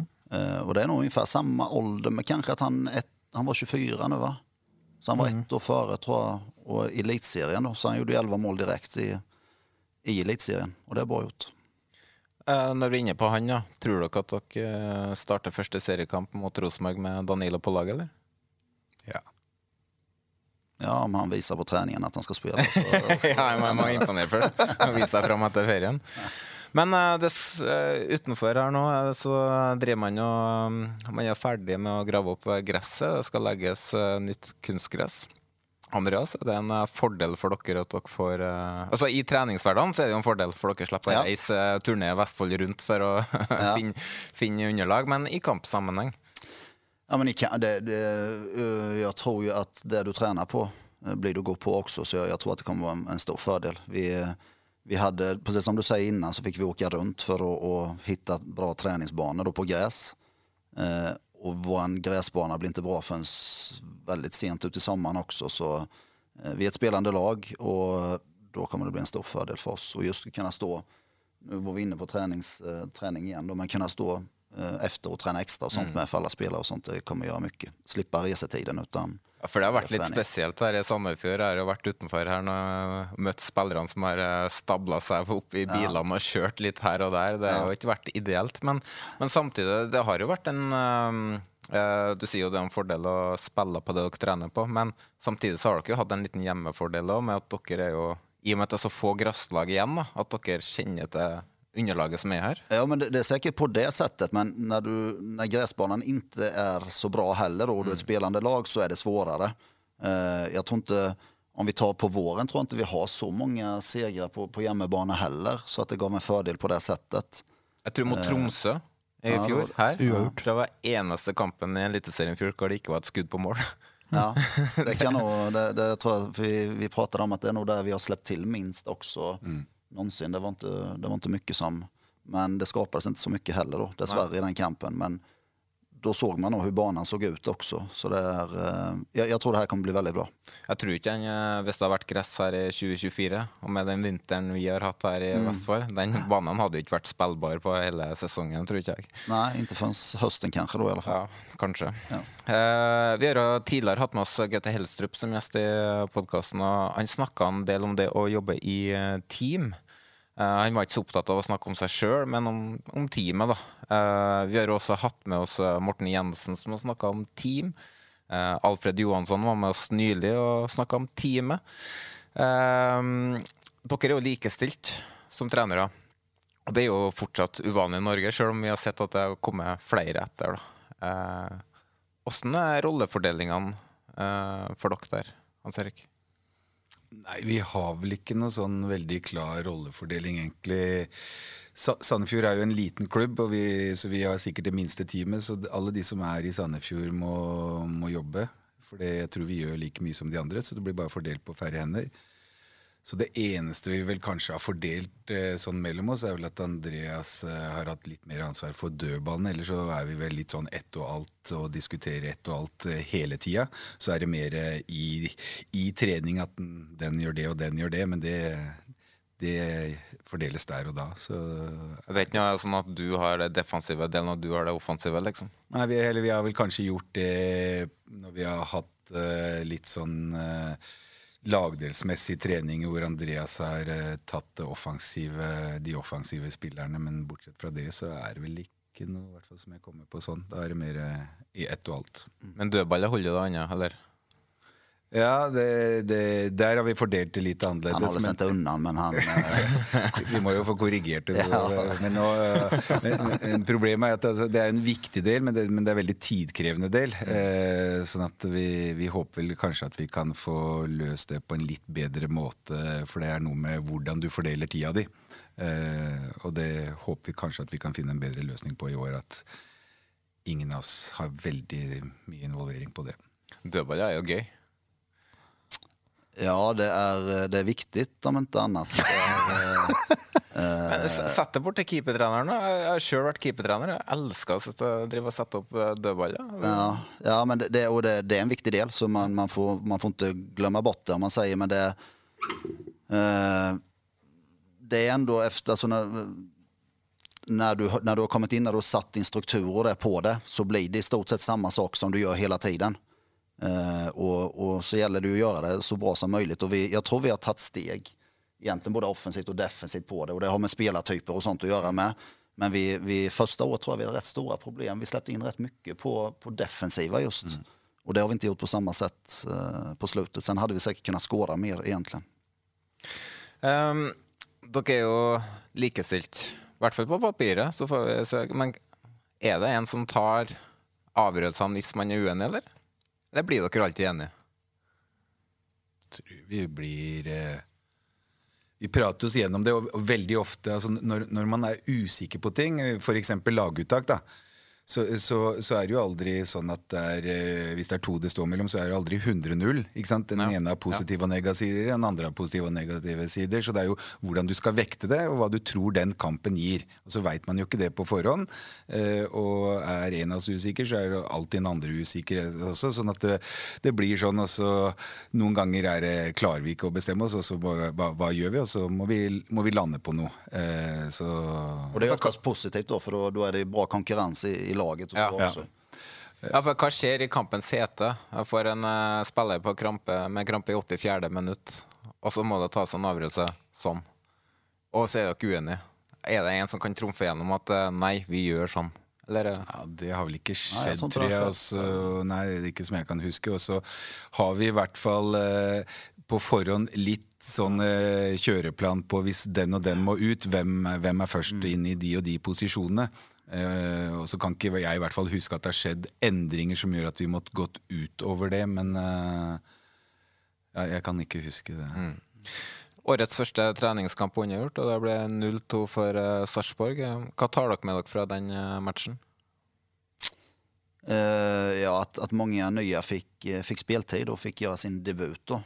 jeg tror det var en del nervøse spillere som var ute der også, som var litt spente på nivåene og sånt også. Så det er bra at vi har, vi har gjort den. Og sen fikk vi se, vi fikk se ändå noen av de delene vi har jobbet på. Og så har vi rätt mycket att jobba vidare med. Då, men eh, en del av de delarna vi har jobbat med eh, satt och då kunne vi også utnyttet det kanskje litt bedre, men det, så er det nå. Dere er jo hovedtrenere i en klubb som ikke har de største ressursene. Eh, dere starter omtrent uh, hver sesong med å ta en liten restart. Uh, før 2023-sesongen var det jo utrolig mange som forlot klubben.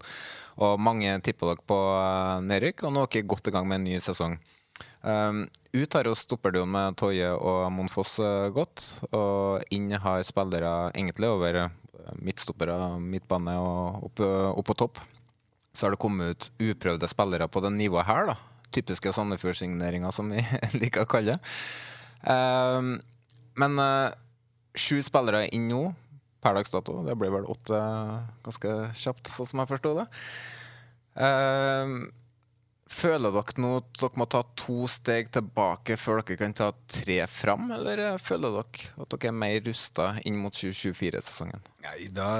Hvis det er sånn i år, så har vi tatt fire steg tilbake tidligere i år. For så lenge vi har vært der, så har vi aldri bytta Eller har aldri forsvunnet mindre enn tolv. Altså det har vært tolv eller mer. Helt utrolig. Ja, og det, det, er veldig mye. sånn at i år er det bare sju, hvis det du sier stemmer. Så vi føler vi er bedre retta. Men det å være liten er jo utfordrende og og krevende mange ganger. Men hvis vi hadde fått bygge noe, så hadde det vært veldig ålreit. For det, da går det. Men vi har begynt på nytt hvert år, når, når du bytter ut eh, tolv eller flere.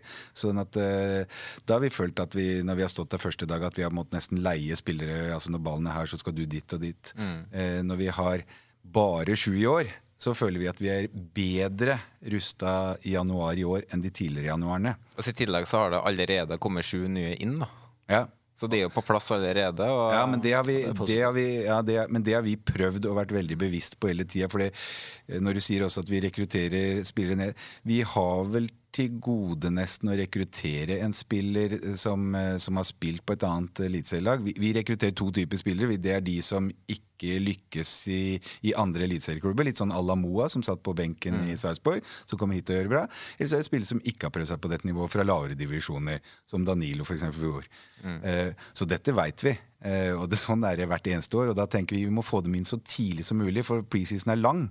Og ja. da har de de tre månedene til å, å heve seg opp til eliteseriestandard. Er ikke det en kjempefordel for dere som driver på en måte restarter litt eh, for hvert år? For, er en lang For oss er det, Derfor har vi også vært veldig bevisste inn mot klubben. For de kan si ja, det er lurt å ha igjen midler og spillere når vinduet stenger. Nei, vi syns ikke det. Vi må mm. få dem inn og trene dem på vår måte og inn i vår måte, eh, måte å spille på.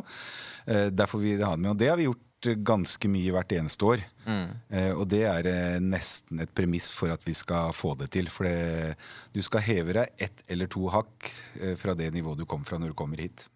Eh, noe av det verste man kan miste, mener jeg i hvert fall eh, fra en fotballklubb, da, eller fra en elver, det er jo stopperduoen. Det er ofte der eh, fundamentet ligger, da, eller grunnmuren, eller, som jeg liker å si det, også i sentrallinja begge midtstopperne fra i fjor uh, forsvunnet. Bergli er kanskje ikke Kanskje litt varm i trøya, men uh, også har det kommet inn flere stoppere som er uprøvd. Um, jeg snakka litt med Bugge om det her òg, men ser dere nå uh, kanskje etter, i og med at dere har fått litt penger inn ja, for Toje, at det er muligheten for å hente inn en mer etablert stopper som kan gå inn og ta nivået fra dag én? Ja Jeg har ikke lyst til å si så mye. jo, jo, det, det, er ikke noe problem å, å svare på det. Vi, vi må ha midtstopper. Ja. Eh, og at uh, det verste er å miste, miste midtstopperduoen, kan du si. Men da er det jo bare å se på alle åra vi har vært der, så ja. har ikke vi hatt samme midtstopperduo noen av åra. Det er vel Nei, og Moen ble jo skada. Moen var jo skada der, sånn at, det, sånn at, dette er jo helt normalt for oss. Så, så, så, så vi er ikke noe mer stressa på det, selv om vi selvfølgelig skulle ønske at det ikke var sånn. Mm. Eh, men dette er jo hverdagen vår. Eh, og, og, det er riktig at vi fikk litt penger for Jesper. Eh, så får jo ikke vi bruke i nærheten av alt det der. Men spillere som vi henter, da eh, selv om man har litt mer rytmene, så er det viktig at de spillerne de må inn i Sandefjord-strukturen. Jeg tror, Skal du bygge et lag og en kultur, så, så tror ikke jeg det er heldig om du får inn en spiller nå som tjener mye mer enn resten. Absolutt, det, det, gjør noe med kulturen i det laget. Bare eh, spør Åsgårdstrand. du måtte innom, Jeg Måtte bare si det. Ja, det, det, er sikkert noe internt mellom dere, for vi kjenner ikke så godt til Åsgårdstrand. Men, eh, men, men, det må passe inn der.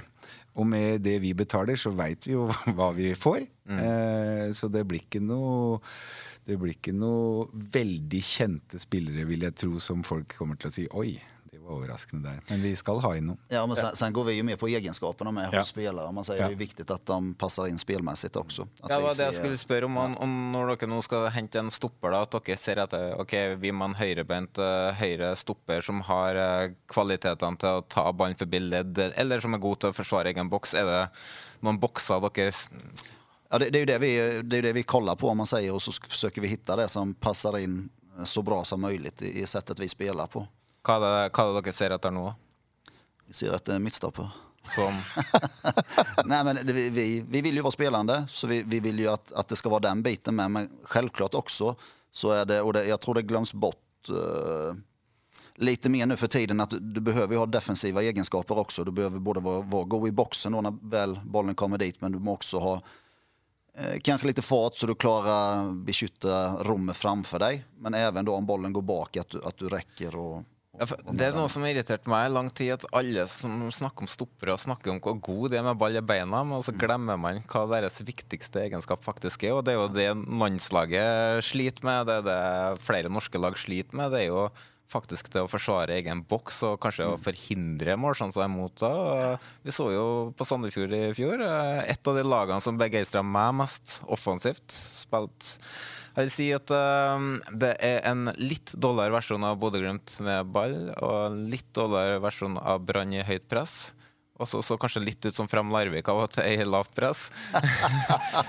så, så man Hørte at Fram var veldig god i lavt. Nei, det er ikke veldig. Det ble, det ble målsjanse hver gang eh, motstanderen hadde ballen en periode der. Så, men, og det var litt det som Sandefjord sleit med i fjor òg. Og det hadde ikke så mye med hvem som spilte bakker heller, for Toje og Monfoss gjorde jo knallgode sesonger, men så sleit man kanskje som et kollektiv når man mm. ble lavt. Det er så mot Rosenborg, f.eks., et prakteksempel. Kjører ja. over det i 45 minutter, og så kommer andreomgangen, så ser man plutselig litt engstelig ut. Men det er bortekamp mot Brann òg, hvor det er totalt motsatt. Ja.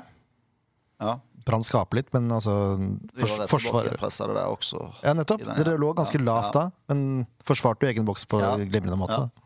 Hva, hva er det dere vil videreutvikle fra det, da, som dere ser at det her kan vi bli bedre på? Nei, men det er jo en av delene, man sier våran, uh, For å ta, ta neste kliv. for vi, vi har, Jeg tror vi, vi har pratet om det innan, men vi, vi, har gjort fem mål mer tror jeg, hver sesong egentlig sen vi kom. Så vi, vi, producerar mycket och vi, är bra der. Men uh, kunne på noe sett uh, vår høye press er veldig bra og den skaper målchanser också. Men att kunna både göra det då och, eh, och försvara bättre i vårt medium eller lava försvar då. Det är ju en, en utvecklingspotential där vi, eh, där vi vill ta kliv. Och det hade vi väl egentligen lite Även nu mot Sarpsborg har vi, har vi några situationer där vi blir för lava och där, där vi kanske bara droppar mer och mer och mer. Och då blir det många situationer runt, uh, runt vår box också. Så där har vi en förbättringspotential. Om vi er som Larvik med, så måste vi ta steppe opp ordentlig. Absolutt. Um, en ting som har fascinert meg med dere to som trenere, er måten dere får ut makspotensialet ut av Eller i hvert fall nært makspotensialet ut av kantspillerne deres. Kristoffer um, Normann Hansen uh, hadde vel sju mål på 20, 26 kamper i 21. Uh, Jonsson hadde 11 på uh, 29. Og så kommer 2022. Ofkir med 12 mål på 29. Og så har vi i fjor da med Danilo Alseid med 11. Og så Jakob Dunsby som kom litt på høsten i fjor. da. Fikk, ble sparka ned et par ganger og skapa et par viktige straffespark der. Mm. Eh, på midtstopperne så Nei, midtstopp, midtspissene. Daddy's og Tveter endte jo med 6 8, så vi ser at spissene kanskje ikke skårer like mye, men det har jo måten med dere spiller på at kantspillerne kanskje er litt mer gjennombruddssissy. Men uh, hva er det dere gjør som gjør at kantspillere i Sandefjord får ut Eller får spille på sine styrker? Ja, for bare flika in, alltså 14 mål sammenlagt er jo rett så bra på Ja. to spissar ändå om man sier. Det er jo ja. Ja, det er jo, det er jo Ja. for så vidt det. Men hvis vi sammenligner med kantspillerne de siste tre sesongene, så er det på kant ja, målpoengene har kommet. da. Men hva er det som gjør at uh, kantspillerne deres lykkes så bra? Nei, det er jo først og fremst eh, takket være dem sjøl, men så er det jo Det er jo ingen av dem som har vært her mer enn én sesong, så de forsvinner jo. sånn at det er jo litt med hvordan finner dem. Men altså det er mye med hvordan vi spiller å gjøre også, fordi eh, Sånn som vi spiller, da, så så presser vi ofte høyt, eh, ønsker i hvert fall det. Og vinner vi ballen da, så er de i en høy posisjon. Eh, og vi søker kanter som er gode én mot én. Eh, og vinner du ballen høyt, så blir du ofte eksponert da i situasjoner du kan få 1-1 på siste tredel. Mm. Så det er et viktig premiss i forhold til å få det. Eh, selv om vi er som Fram Larvik i det lave presset, så, så har vi vært ganske gode i kontingsfasen med kantene våre også, som har skåret ganske mye mål der. Eh, men vi, men vi, er, vi er veldig bevisste på hva slags typer vi skal ha. Eh, og så er vi veldig bevisste på at de må få lov til å ja, egentlig i alle posisjoner, da, men det blir jo nå snakker vi om kantene. At de må utnytte styrkene sine. Mm. Eh, og da tåler vi en feil eller fire. Eh, hvis de kan gjøre det de er gode på. Og det er litt sånn I forhold til å rekruttere spillere, som var inne på i stad. Når, vi- når vi rekrutterer spillere, så, så er det jo fra lavere nivå. De må ha, de må ha en spissegenskap eller fler. Det er X-faktor. Kall det? det hva du vil. Som vi tror altså Når det har funka på nivå to eller tre, så må, vi, så må vi tro at den X-faktoren er så god at den også kan fungere på nivå én. Eh, og det, det har vi jo fått til, da. Mm. Ja, det, det, det vil jeg absolutt si. Det var mildt sagt. Det, Bra. Jeg har fått sett mye fra tribunen her eh, de siste tre årene, Jørn. Det har vært mye morsom fotball. Uh, og jeg, med det grunnlaget dere har foran hver sesong, som, som dere sa i stad, altså tolv spillere ut som det, som det minste før i år. Det er jo helt ellevilt egentlig den jobben dere gjør, og at ikke dere får mer oppmerksomhet rundt om i Norge, syns jeg er fryktelig rart, skal jeg være helt ærlig. Vi prøver, Eh, vi prøver da. ja, ja, ja. det, det gjør jeg òg, for så vidt. Men nok like langt som deg, selvfølgelig. Ehm, og en annen ting er for så vidt også at eh, dere blir omtalt litt som sånn grå mus når det gjelder mediesituasjoner og sånn, men det er jo ikke jeg enig i det hele tatt, for nå har jeg prata litt med dere og sånn, og det er jo ofte glimt i øyet og så videre også, eh, i kommentarer. Men én ting jeg lurer på, kan jeg bare ta det? Ehm, Hans Erik, du er ikke en mann av de stygge ordene, har jeg fått med meg. Eh, hva er det styggeste du har sagt som trener for Sandefjord? Retta mot noen? Tror du en gang hvor det virkelig kokte over, hvor jeg var på filleren? Filleren, ja. Men da var jeg virkelig sinna.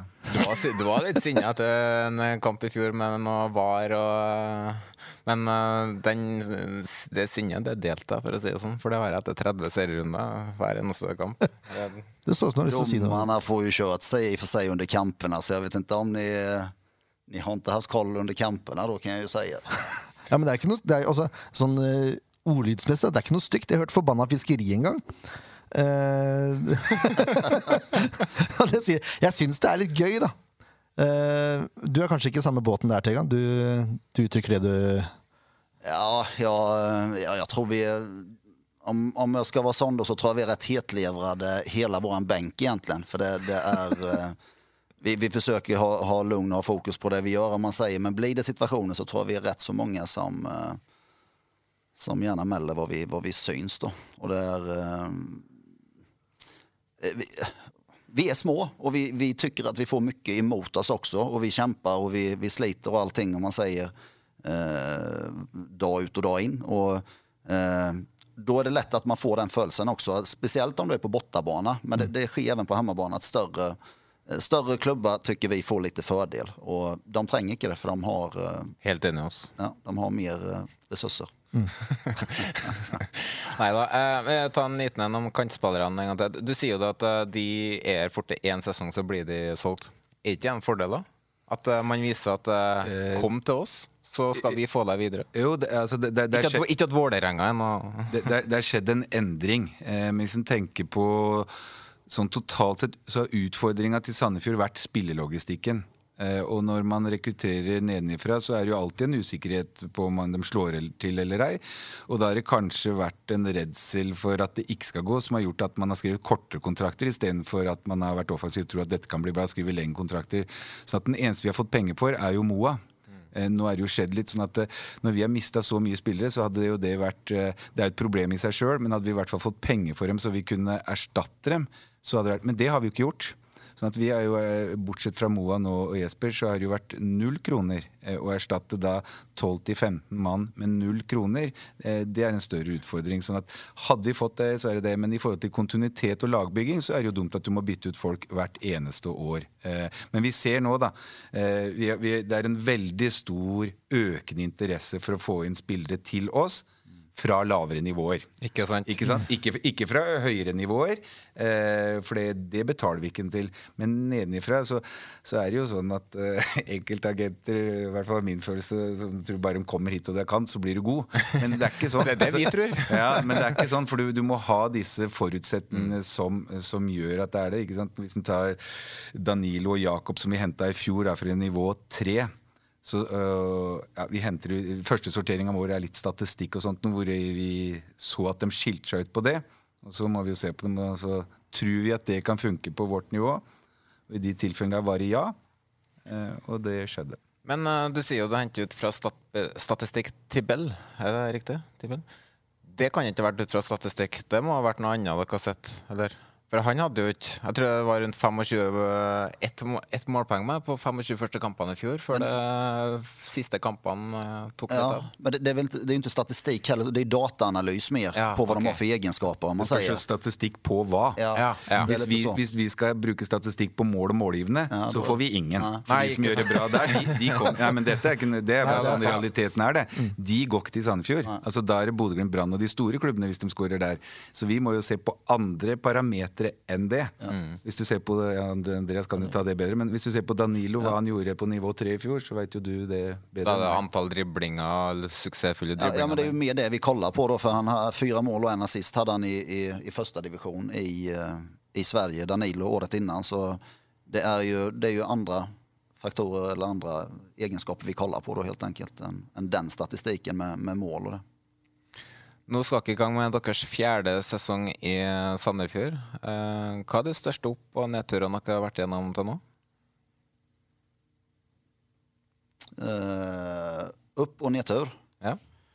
Uh, Dere er jo kanskje er det eneste trenerne i historien som ikke har rykka ned med Sandefjord ennå, tror jeg. Det er det. Det er det? Ja.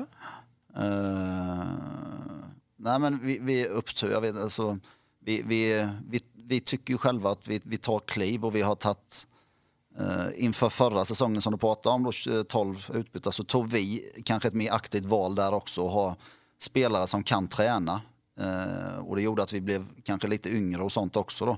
Så det är ju en, en framgång att- märka att även om det var mycket upp och ner förra året så, så klarade vi av det och vi, vi stod kanske i det när det var, eller inte kanske, utan vi stod i det när det var som tuffast. Och den mentala prövningen som det var förra året och, och kunna klara av det, det tycker jag vi tar med oss och, och har någonting att bygga vidare på som, som kan bli väldigt spännande. För det, det är inte enkelt att, att steppa upp så som vi gjorde de fem sista kamperna. Det är starkt. Nedtur, eh, då får vi väl säga det året när vi, vi fick ju, 22 fick vi väldigt mycket skador. Och eh, fick kanske inte in spelare som, som klarade att träna heller då. Eh, och, och den hösten var extremt tuff. Eh, och det var också att jobba mentalt på ett visst sätt då.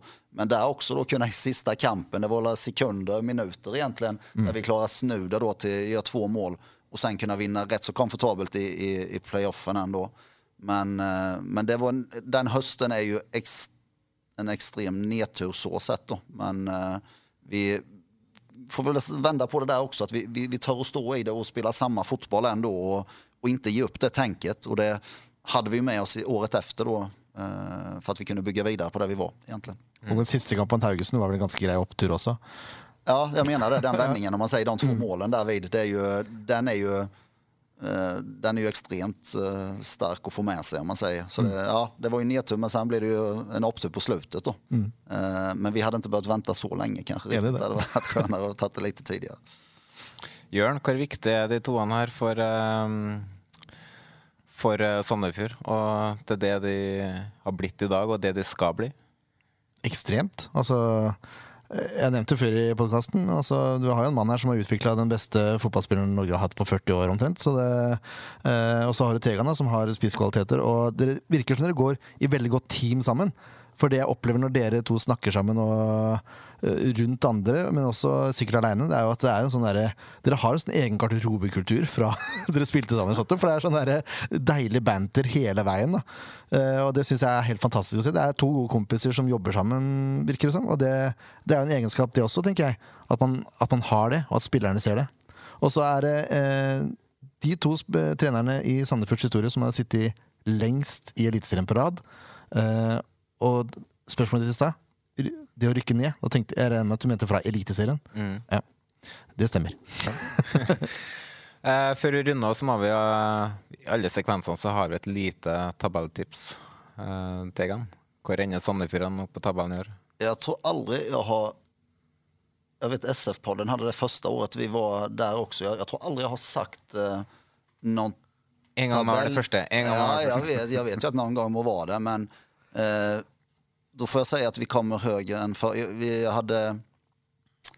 Jag, hopp, jag hoppas på något sätt eh, att vi... vi eh, att vi, vi eh, att vi verkligen kan, vad ska man säga, att vi, att vi, att vi tör och verkligen eh, utfordra ordentligt. Vi, vi har gjort det var, vart år har vi nästan kunnat mäta oss med de flesta lagen, men kan vi få jämnheten i det också så tror jag att det, att det kan bli väldigt bra. Men jag, jag sätter inget tips, jag inte. Men eh, förhoppningsvis eh, så vi slipper, ja, slipper siste rundan igjen, da, om man sier. Jeg håper at vi kan, kan ta noe kliv der. Du er jo inne på det spillet jevnt med fleste. Jeg så jo på um, statistikken at etter eh, Bodø-Glimt-kampen klokka tapte 5-3, 5-2, så var det bare én Eller så tapte dere med mer enn ett mål i alle kampene. Så dere spilte jo jevnt med de aller fleste, og så var det bare den siste lille Ja. prikken for at dere kanskje bikker det til deres favør. Ja. Bodø-Glimt starta jo der. Det, 2018 eh, spilte uavgjort alle kampene før de vippa det til sitt favør. Hans Erik, har du et tabelltips? Nei, jeg er jo Jakob sa fjerde. Jakob sa. Ja, han er jo offensiv, han, så det er bra, det. Nei, jeg liker like som Andreas der. Vi, vi har jo sagt hele tida at vi, vi tenker ikke så mye resultat sånn, og det, det kan godt hende man syns det er feigt og sånn, men det bryr vi ikke så mye oss om. Vi har sagt vi skal bli bedre. Og så er jo utfordringa vært som jeg om tidligere, at vi har bytta halve troppen hver eneste gang, så vi, vi begynner litt på nytt. Men vi, vi ønsker å bli bedre, og setter du en, nei, en eh, tabellplassering, kan det også være en begrensning. Så blir vi bedre, så er, så er vi happy.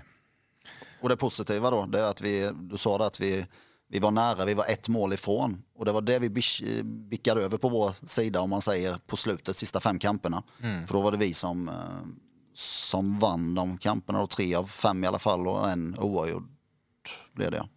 Ja. Ja, eh, det er et godt poeng. Altså, en annen ting jeg observerte på slutten, at Keto løfta seg litt i forhold til vårsesongen. Begynte å redde litt mer og var enda mer oppfordre seg i, i egen boks. Og man eh, begynte kanskje å sette de avslutningene som var åpenbare skåringsmuligheter. Så det var jo gjerne i 16-meterne det gikk på. For mellom 16-meterne så syns jeg dere var blant Eliteseriens beste fra første seriekamp, egentlig. Blant de bedre, i hvert fall. Så det er jo um, Det må ha vært i det offensive. På det defensive er jo som Fram Larvik. Ja, det var Fram Larvik. Var det høyt press? ja, høye, høye, høye presset var ikke god i dag. Ja, det er- det er vi. Eh, Hans Erik Ødegaard, Andreas Stegstrøm, det har vært en ære å ha dere på besøk. Så får ønske dere lykke til med sesongen. Jeg følte jeg vi ble, kom, Som podkast kom vi ett steg nærmere å få Martin Ødegaard med som gjest i framtida nå. Så Ja, Det var litt rart du sa det, for han hadde ønska å være med, men jeg sa at dere bare skulle ha Sandefjord-folk. ja, vi, vi, vi, vi må holde det litt serierelatert, så vi må vente vi bygger litt opp. Så Martin må vente litt. Ja, men det passer bra. Ja. Takk skal dere ha, gutta. I like måte. Takk, takk. Rabona. Episoden er sponsa av Berg Allum. I 2010 starta Berg Allum konsulentselskap innen strategi og markedsføring, et konsulentselskap de sjøl skulle ønske fantes da de var kunder. Etter mange år på kundesida var de lei av å kjøpe konsulenttjenester, ofte prega av tunge prosesser og store innbundne rapporter. Det kosta en formue, og ble altfor ofte liggende i en skuff. Så i 2010 bestemte Per og Helene seg for å starte konsulentselskapet Berg Allum. Et selskap med ekspertise innen markedsføring som hjelper kunder til vekst gjennom konkrete og gjennomførbare tiltak. Cut the crap og kom til poenget. De brenner for marketingfaget og går all in for alle kundene deres. De vet at skal du skape resultater, så holder det ikke at strategien er god, du må evne å sette den ut i handling. Derfor lager de handlingsplaner ned i minste detalj. Kundene deres velger hva de vil gjennomføre sjøl, og hva de vil ha hjelp til. Berg Alum er stolt sponsor av Sandefjord fotball og ser frem til nok en sesong i Eliteserien. Rabona. Vi har akkurat uh, hatt besøk av to trenere som ikke var langt unna å ha den uh, sterkeste trenerprestasjonen i 2023. Uh, ved å nok en gang motbevise alle eksperter, da Sandefjord nok en gang overlevde i Eliteserien. Og to svært viktige bidragsytere til at Sandefjord fortsetter et eliteserielag, de sitter på andre sida av bordet, Jørn. Ja, det er stas, altså. Uh, ikke nok med at de er uh, bidragsytere på banen, men de er ganske store profiler også. Uh, jeg har jo prøvd å bygge opp Jakob ganske kraftig egentlig i SF-poden, fordi han har en sånn væremåte som jeg elsker på banen. Han skal få lov til å introdusere seg sjøl. Altså. Men altså, når du, når du feier ned Gjermund Aasen, da og kjefter på han for at han detter, da tenker jeg Da, da har du skjønt det, på en måte. Det er, det, det er kanskje høydepunktet mitt altså, altså, I tillegg så har han potensial til å bli et sånt skikkelig dratetryne. Ja, og det er, det er, akkurat det alle lag trenger. Ja, det er det, da. Ja. Altså, se på, uh, Vi snakka litt med han i stad her, og han har lyst til å prestere for han melder. Men se på Ole Sæter, da! Se hva alle meldingene har ført han. Han var jo en av Norges mest omtalte spisser før han hadde spilt et minutt i Eliteserien. Så ja. det det er lov, det. det er, er, det noe Sandefjord trenger, så er det profiler og folk som tør å melde litt. Og så være seg sjøl på banen. Og Da har du funnet to gode gjester i dag, syns jeg. Da kan jeg prøve, da. Danilo Alsaid og Jakob Dunsby, velkommen som uh, gjest hos oss. Tusen hjertelig. Takk så mye. Jakob, hva syns du om Odd? Ja, Det er noe dritt, ass. ja, der er vi i gang. Åssen uh, er det å være i gang med preseason etter juleferie, Danilo? Eh, nei, det er skönt att komma igång. Eh, såklart, det är ju lite speciellt eh, när man har varit ledig en månad och eh, ska komma igång. Det är lite segt i början och touchen och alltihopa är inte 100% där, men man jobbar ju successivt eh, och eh, så kommer vi igång nu. Vi hade första matchen eh, mot Sarpsborg där alla fick 45 ungefär utom mittstopparna. Så nej, men vi, vi trampar på kan man säga. Hvordan er det å være i gang med å spille kamper igjen, Jakob? Merker du det på kroppen eller at det har vært lenge uten, eller? Ja, selvfølgelig. Og tungt uh, første match, men uh, spesielt uh, spilte jeg første omgang nå hvor vi sliter litt, grann, men ellers greit. Fint å ha fått inn litt nye tilskudd i gruppa, og de klarer seg veldig bra, så det skal man, skal man legge så mye i første treningskamp? Nei, det syns jeg ikke man skal, men man får jo selvfølgelig en pekepinn på hvor man står, og det er jo de første kampene til alle de andre lagene nå, på en måte, så sånn sett så kan man jo legge litt i det, syns jeg.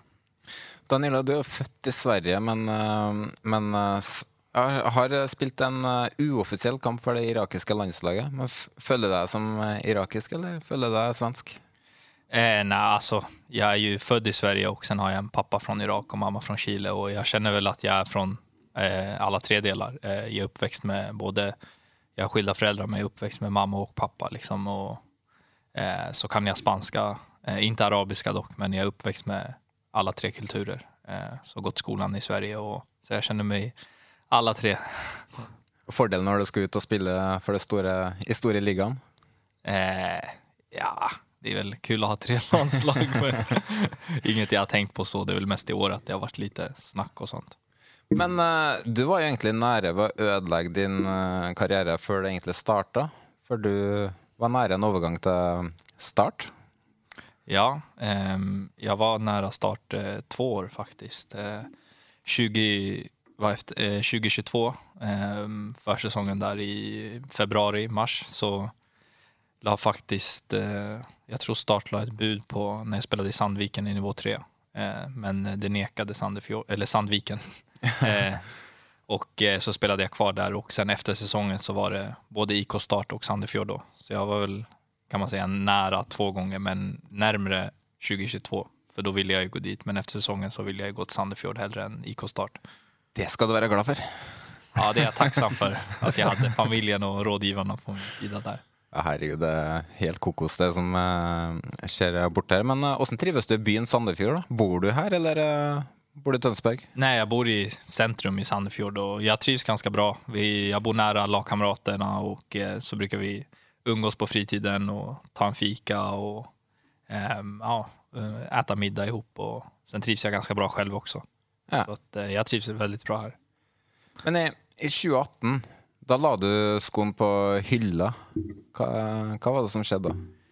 Nei, det var vel at det var mye eh, Når jeg var det var 2016 där mest och 2017 eller mest 2016 när jag var framstod som en ung talang. Eh, ehm, och sen hade jag erbjudande högre upp eh, och det blev väl lite för mycket och stannade kvar och eh, så blev det som det blev och var väl inte tillräckligt stark mentalt för att ta klivet upp. Eh, så då stannade jag kvar och åkte på en liten småskada och eh, det var väl fel timing att få en skada när jag var redan trött på fotboll liksom, och då kände jag ah, det, det är liksom, ah, jag tar en paus. Jobbade på skola då och eh, så då kände jag mig ganska trygg att jobba på skola och skulle, ville plugga vidare och så att eh, det var väl där jag kände att äh, men, kanske fotboll var inte för mig då. Liksom, jag var duktig men eh, det är så mycket mer än att vara duktig på fotboll. Liksom. Det, är, det är 90 procent ju huvudet. Liksom, att våga flytta, våga ta risken att lämna familjen och lämna sina barndomsvänner och bo själv. Liksom. Och där var jag nog inte riktigt redo för. Det var mer skrämmande än att vara mer kul. Liksom.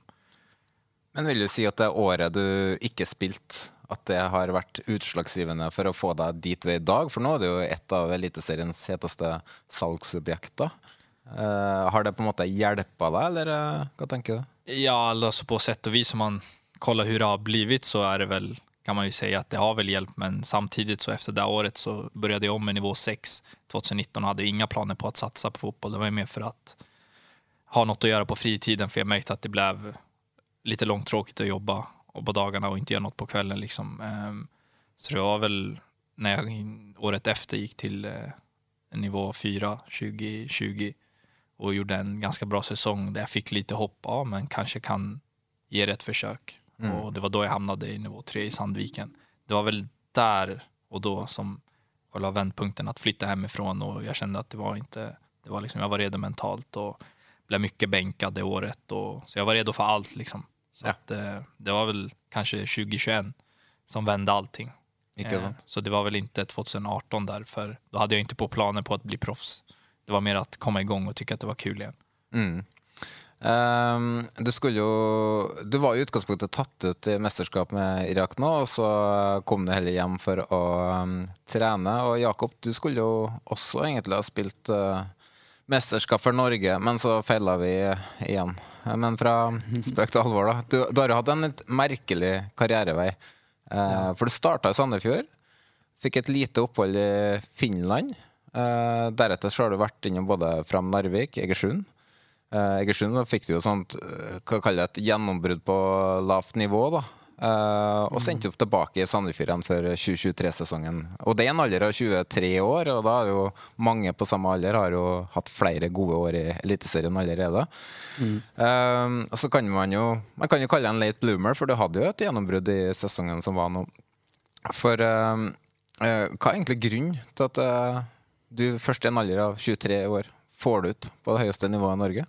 Nei, det er nok det er litt vanskelig å si, men uh, uh, For det første, så ja, etter jeg kom hit, så har jeg blitt uh, satsa på og fått mye tillit. Og det har egentlig bidratt til at jeg har fått lov til å utvikle meg og jobbe hardt og alle de tingene her. Så det er jo en veldig viktig faktor av det. Og så er det også at eh, jeg har nok vokst litt og blitt mer voksen og skjønt hva som skal til og gjøre jobben. Så var nok ikke den mest voksne personen i min, min unge alder. Så jeg har nok hatt godt av å oppleve litt og sett motgang og liksom. Og føler at uh, jeg har lært at uh, det er en sjanse som bare dukker opp én gang, og det må man ta vare på. Hvis ikke så bare screener mellom fingrene dine. Og jeg har vært ekstremt heldig og fått uh, på en måte to sjanser å være i Sandefjord en gang til, så det må jeg ta vare på. Hva var det som skjedde den første gangen du var her? Nei eh, Jeg hørte litt på SF-poden en dag tidlig. Nei, eh, nå vet jeg jo ikke helt da om det er 100% grunnen, men det forså meg en økt når jeg var i ja, 17-18-årsalderen, tror jeg. Og det kan jo fort skje når du er ung og gikk jo på skole og var lange dager og sånn, og så eh, ringte jeg jo, husker jeg jo ringte og var livredd dette, og tenkte at nå ryker jo alt. Og så fikk jeg være med på trening dagen etterpå, fikk jo totalslakt og så vel ikke en trening på A-laget igjen. Og hadde vel mine første A-lagstreninger som 15-åring, så det var jo selvfølgelig kjedelig, og fikk jo aldri muligheten igjen. Så da fikk jeg en liten livbøye av Tore Thodesen, og han dro til Finland der, og det er jeg utrolig takknemlig for. Så det er nok det som redda mye av karrieren. For Tor Todesen han er jo han ble årets trener var det, i, når han var i Eliteserien for Sandefjord 2006, husker jeg Mm, riktig? stemmer. Ja. Så han, eh, han kjenner du kanskje litt fra før, for han bor vel på, bodde vel på Nøtterøy? Ja, og så var sønnen hans Trym? Ja, Mm. på juniorlaget sammen med oss, og han så masse kamper og mente at eh, jeg burde fått eh, muligheten. Todesen er i Afrika nå, for øvrig. Stemmer det. Mm. Han er Oslo FC, vel. Ja, det er det det heter. Jeg tror det. Mm. Men uh, oppholdet du hadde i Finland, ja, hvor du hadde en, um, Tore Todesen som trener, kan du fortelle litt om det? For, eh, for oss som har fulgt Eliteserien en årrekke, så, hadde jo, så var det jo en del kjente fjes i Finland når du var. Hannu Patronen uh, var jo en bra stopper i Sogndal. Du har uh, keeperen, han um, uh, Origi. Ja, jeg var, jeg var prøvd seg som spiss et år eller så, i lavere divisjoner. Men eh, Origa hadde jo har for øvrig gått til Østersund jo, i en alder av 40 år. Så, um, sant? Mm, liten digresjon der. Men um, ja, også spilte jeg jo med Kevin Jablinski. Eller? Nei, det gjorde jeg ikke. Nei, det gjorde du ikke. Nei, han, han er i Østersund og sånn, da. Han spiller med Origa nå. Men uh, kan du ta noen ord om uh, tida du hadde i Finland? Uh, egentlig en veldig, veldig veldig fin tid. Det ble jo bare et halvt år, da, dessverre. Men uh, fantastisk å komme bort der, og fikk mye tillit. Og fikk eh, Og vokste nok veldig mye på det å flytte bort der til utlandet helt alene. Uh, fikk ekstremt hjelp av Det var en annen norsk uh, harstadværing som jeg liker å kødde med, men uh, Tobias Wibe, Ja. som eh, også spilte der. Og han tok godt vare på meg, og vi bodde sammen. Og det var en kjempefin periode, og vokste masse på det. Og fikk spilletid og fikk utfoldet meg selv. Så Ja, For det var første gangen du fikk uh, muligheten til å utfolde deg på seniornivå? ja, det stemmer. Og hadde jo egentlig en veldig fin sesong og toppa noen statistikker eh, til halvspilt der og sånn, så det var egentlig helt fantastisk. Så det var kjedelig at uh, jeg ikke fikk fullført uh, hele sesongen, men Ja. sånn er det.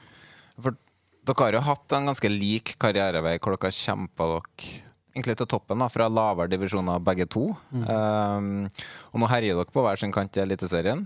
Uh, men hvilke ambisjoner har dere for karrieren uh, videre? Danilo, du jo linka både hit og dit, uh, øst og vest. Og nå er jo Glimt i ferd med å hente tilbake Jens Petter Hauge, så da går jo kanskje ikke det. Heldigvis, for oss som er lei av eh, dominansen eh, oppi der. Men eh, hva tenker du om uh, framtida di nå? Altså, jeg vet at du kanskje ikke har lyst til å si noe konkret, men alle fotballspillere har jo ambisjoner og mål man eh, jobber mot. Hva, hva er dine mål? Eh, såklart eh, jeg er ambisiøs og har høye ambisjoner, og jeg tror mye på meg selv. Eh, så klart. annars eh, när man som fotballspiller, må man jo tro på seg selv. og og så merker jeg nå når jeg kom hit jag har tatt store kliv i min utvikling og eh, kjenner at jeg har eh, mye mer eh, liksom, ta ännu större kliv liksom, än vad jag har tagit nu. Eh, så jag känner liksom att jag har höga ambitioner. Jag vill ju försöka ta mig vidare liksom såklart. Det vill ju alla fotbollsspelare och sen är det en timing och tidsfråga när och, eh, och det måste man ju fråga sig själv och sina rådgivare och eh, allting ska klaffa liksom med klubben och allt. eh. Men jag har ambitioner att liksom ta mig utåt liksom. Även om det är en toppklubb i Skandinavien eller utenlands, liksom så, så har jeg ambisjonen å gjøre det liksom og, og jeg tror på meg selv, liksom, at jeg kan klare det også. Har du tenkt, altså Det er mange som går, tenker at de har lyst på den store overgangen og kanskje går direkte til Premier League eller til La Liga.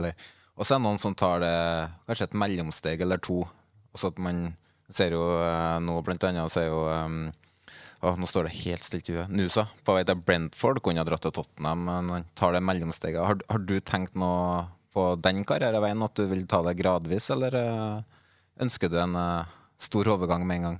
Alltså det är ju mycket, alltså det, är inte, det beror ju på liksom också vad, mycket vad klubben har för plan för en. Liksom, och man gör inte en övergång för inte göra, bara för att göra en övergång. Det ska liksom klaffa runt omkring. De, klubben ska ha en bra plan för en. Och, så det är många bitar och sen är det ju liksom, det beror ju på framförallt vad det är för plan. Liksom. Ja, det kommer en större klubb med en bra plan och allting.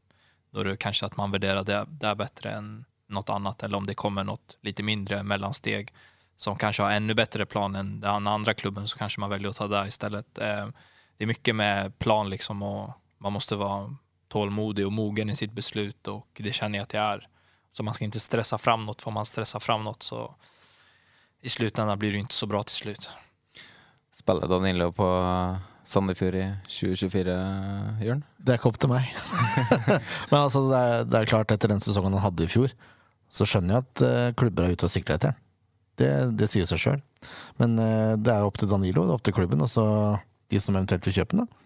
Men uh, for min del så gjør det jo ikke noe om Danilo er et år til i Sandefjord. Nei, det, det, altså, det er jo nesten garanti for suksess å spille i Sandefjord. Da, for er det én ting vi har sett siste årene i Sandefjord, så er det at kantspillere de får virkelig utfolde seg her. Hvordan er det å spille kant i Sandefjord, Jakob? Føler du at du får enda større muligheter til å spille på dine styrker kontra andre plasser, eller? Uh, ja, det, gjør jeg. de er ekstremt flinke til å, til å gi oss uh, at de kan både spille på våre styrker og så det å flette det inn sammen med hvordan spillestil vi har. og Press mye høyt og for mye, ofte mye fine brudd som vi i Kanti kan utnytte. og Alltid muligheter for å gå én mot én, og de er veldig åpne for at vi kan gjøre slikt, så det er kjempefint. Vil det òg spille inn når du skal ta en um, beslutning om framtida når du kommer dit, Daniel, at du ser på hvordan laget spiller, for at du skal bli satt opp av dine styrker? Ja, det er vel A og O. Um, at uh, man skal gå til et lag som spiller den typen av uh, en själv fotboll. Liksom det, jag ska kanske inte gå till ett lag som bara slår långt och fightas. Liksom. Det, det är väl inte min typ av fotboll. Så det är väl också där har att göra med att man ska vara mogen i sitt beslut liksom, och vad för plan liksom, och hur klubben ser på en och hur, vad man är tänkt att spela. Liksom, och, och eh, det är väl där man ska liksom vara lite tålmodig och inte stressa fram något. Och, så man inte går till ett lag som kanske spelar med 3-5-2, som spelar med wing, wingbacks. Som, mm. Och det är ju inte jag. Liksom, och då är det ju helt fel steg.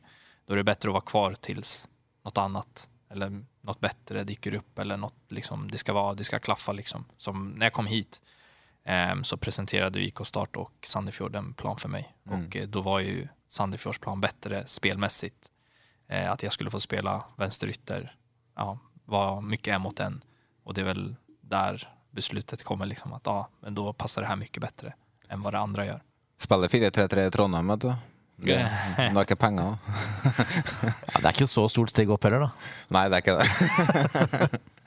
Men uh, da dere kom hjem fra ferie, så var det mye ukjente fjes, eller nye fjes, da, i garderoben. Åssen er det å komme Eller du drar på ferie, uh, juleferie, og så kommer dere tilbake, og så er det mye nytt i garderoben, og mange som er forsvunnet. Åssen er, er, det, egentlig? Nei, det er selvfølgelig litt rart. Uh, man har på en måte, I løpet av et år så bygger man jo en dynamikk og, med de spillerne som er der, og man lærer seg å kjenne og vet hvor uh, de ulike grensene går. og litt sånn, Så det blir på en måte um, litt sånn føle på hverandre-periode i begynnelsen, og man vet ikke helt hvor man har hverandre, og ulike interesser og sånne ting. Så, som er en del av det å få nye folk inn. Men uh, de som har kommet i år, har klart seg veldig fint, og de byr på seg selv. og er flinke til å prate med alle. og Det er en veldig god start. Så jeg tror de kan bli en uh, veldig god tilskudd inn til gruppa i år. Hva tenker du om Sandefjord sine muligheter i eh, år? da? Er det muligheten til å forbedre fjorårets 13.-plass? Ja, det syns jeg for all del. Sånn som vi spilte mot slutten i- av fjoråret, så viser vi at eh, det bor mye, fotball, mye bra fotball i oss. Og vi spiller mye bra fotball, og vi angriper og hele pakka. Så Det er et av de mest underholdende lagene for en nøytral supporter, vil jeg si, Jørn. Nå er ikke jeg så nøytral, så jeg vet ikke om jeg er rett mann til å svare på det. Jeg er jo ikke sånn supernøytral heller, da, men, eh, men eh, ja, litt, da. Men, men det er jo, snakker jo med mye folk, og det er jo når eh, man snakker om Sandefjord, så er det jo positiv snakk. da, At det er begeistrende fotball, man, det er underholdning. Man går ut på banen for å angripe og spille sitt spill, og så har man kanskje sluppet inn for mye mål bakover, da, men eh, offensivt så er det jo et så Det blir jo mye underholdende kamper. Det blir det jo. Det er et fyrverkeri. Og da, de to som sitter her, er jo svært bidragsytende til det, da, som du sa i stad. Eh, Men eh, jeg vil bare spørre Jakob, ja, har hva tenker du om videre karriere? Nei, nå er jeg jo i Sandefjord og har jo fullt fokus her. Og er jo først bare kjempetakknemlig for å være her og kunne få spille på det øverste nivået. Så det er egentlig opp til agenten min Stig det å få styre unna på de greiene der. Og så ser jeg til neste trening og neste match, og så skal jeg prestere på mitt beste. Jeg hørte i helga at du kunne godt tenkt deg å være i Sandefjord ut karriere. Stemmer det? Ja, du skal ikke se bort ifra det. Kombinert med DJ-karriere, eller? Ja, ikke sant. Det kommer ut. Tenk på navnet deres i stad, og DJ Duns. hva? DJ Duns syns det klinger bedre enn eh, Dunsby, egentlig. Ja, jeg skal ikke. Det, nei, dere om det. Det går fint. Um, men um, eh, etter 2-5-tapet for Glimt i juli, så uh, tapte dere ikke en eneste kamp med mer enn ett mål. Eh, dere spilte jevnt med de fleste, uavhengig om det var topplag eller uh, båndlag. Eh, Men hadde en uh, periode hvor dere sleit med å vik- vippe kamper til deres, til deres favør. Merker dere sjøl at lagene, laget deres nå klarer å holde følge med hvem som helst? At dere kan slå hvem som helst? Ja, selvfølgelig. Vi ser jo at uh, på vårt beste så henger vi jo på en måte med, og vi produserer, og det er litt sånn som du sier i stad, at uh, offensivt så er vi bra. Men uh, at det renner nok dessverre litt for mye inn bakover. Men uh, hvis vi klarer de kampene vi evner, og når vi klarer å på en måte snurre inn litt bak der, så ser vi at det da holder på en måte tritt med absolutt alle og kan utfordre alle. Og når vi har sånn som Danilo, så er det ikke eh, vanskelig å gå opp oppe heller, så da er det fantastisk. Er det litt av taktikken, eller gi Danilo ballen, og så ordner det seg? Ja, det er en fin taktikk, det. Nei, er. Og det er ikke det Hans Erik står og sier før kampstart? Nei, nei, nei, nei, nei. Nei, da, men selvfølgelig, når det er kant i Sandefjord, og du har Danilo på andre sida, så får han jo masse oppmerksomhet. Så det åpner jo rom for alle oss andre også, og det er jo veldig deilig. Det er derfor du trådte litt i taklinger og skaper litt fyr og sånn? Ja, kunne jeg skinne litt på slutten når han eh, fikk alle spillerne etter hvert. Så det var fantastisk. Vi fikk inn et spørsmål fra, eh, til Jakob fra Heia Eik på Instagram. Har du lyst til å møte Eik Tønsberg i cupen i år, og hvor vondt var det å møte Eik i fjor? Nei eh, Nei, det var jo ikke noe trivelig, det. Nå spilte jeg jo ikke før ekstraomgangene, men eh, det var jo det, det var jo hardt og trist og prøvde å glemme. Så vi tar gjerne et uh, nytt oppgjør, og så skal vi få satt de på plass. Jeg var litt glad jeg, når dere gikk for eh, Eik, fordi på samme dag så var jeg med fram og tappa mot halsen, så det tok litt oppmerksomhet bort fra oss. Eh, Men eh, det er jo to måneder til seriestart. Jeg tenkte allerede nå at vi kan være litt i forkant og spå litt utfall. Um, tenker da på ligaen generelt. Og hvis vi skal spå topp fire, Danilo, åssen eh, Hvis du skal tippe en dag, åssen blir den? Uff, um, Da skulle jeg nå si säga ja, Bodø-Glimt Skal jeg ta dem i ordning eller bare si fyra? Ja, det bestemmer du. Ja, jeg, jeg sier bare fyra Jeg Jag Ja. tror Bodø-Glimt, Brann, eh, Molde, tar vel Viking. Viking, ja. Feil svar. Feil svar? Hva tenker du, Jakob? Er han inne på noe? Eller? Ja, han er inne på noe, men eh, hvis jeg skulle rangert, så tror jeg jeg har både på toppen og Brann, Molde og så Sandefjord. Sandefjord? Fjerde? Selvfølgelig. Oi, oi, oi. oi. Ja, ja, ja. Vi skal var- på krig i år. Jeg trodde det var spenstig med åttendeplassen til Ole i stad. Nei, vi må opp. Ja. Helt rett innstilling. ja, det er bra innstilling. Uh, men uh, hva med bunn da, Jakob? Uh, Koffa rykker opp. eh, Er det kommet for å bli? Koffa, Odd, Sarpsborg og eh, ah, Hvem skal vi legge ned der, da? Vi kjører eh, Fredrikstad. Fredrikstad, ja. Den er spenstig. Ja. fin, den. Den er fin. Uh, Danilo, du ble jo toppskårer i Sandefjord i fjor, med elleve mål. Kun to assist. Uh, kan det overgås i år? Uh, ja, vi forhåpningsvis så man vill ju alltid slå liksom. Um, och sen så tycker jag att jag borde ha gjort mer mål. Jag missade otroligt mycket. Um, uh, vet du det. Men ja, såklart jag vill eh, slå rekordet eh, med 11 eh, och tycker jag borde göra det. Eh, med tanke på hur mycket jag missade förra året så borde jag ut gjort mer mål än 11. Så, eh, men det är bra, jag spelar med bra medspelare så får Jakob glida in från höger och dribbla av två och spela mig fri så kommer det lösa sig. Problemet er at når Jakob han detter i bakken, så det blir straffespark i stedet. Ja, jag vet, det var faktiskt eh, ja, vad kan jag säga, vår viktigaste vapen för sista tre matcherna var att Dunsby fixade tre straffar. var, det, var, det var faktiskt räddande. Så det var, men det är han alltid på träningen, gör han alltid så, så jag är inte förvånad att han gör de här lilla lyke på och sen blir nedsparkad. Det är, det är så på träningen också. Ja, han blir nedsparkad? Han detter ikke bare litt lett, eller? Nej, ja, han blev nedsparkad. Han brukar aldrig filma. Ja, det er bra. Tre pluss tre, Jakob. Jeg vet ikke om det er det inkludert eh, straffesparkene, eller? Eh, det er vel det, ja. Ja. Tre pluss tre, hva skal du gjøre for å løfte den? Nei, eh, for det første så vil jeg jo Hvis jeg spiller med, så er det jo større sjanse for å, å produsere med målpoeng. Og så i tillegg så er det det å Sånn som eh, å jobbe seg inn i boks og tørre å ta avslutningene og litt sånne ting. Så jeg tror det skal ordne seg. Kan ta straffene sjøl òg, da. Ja, det hadde vært fint. Men nå er jo Ruud bankers, da, så han setter tre av tre der. Så da får han fortsette litt til i år.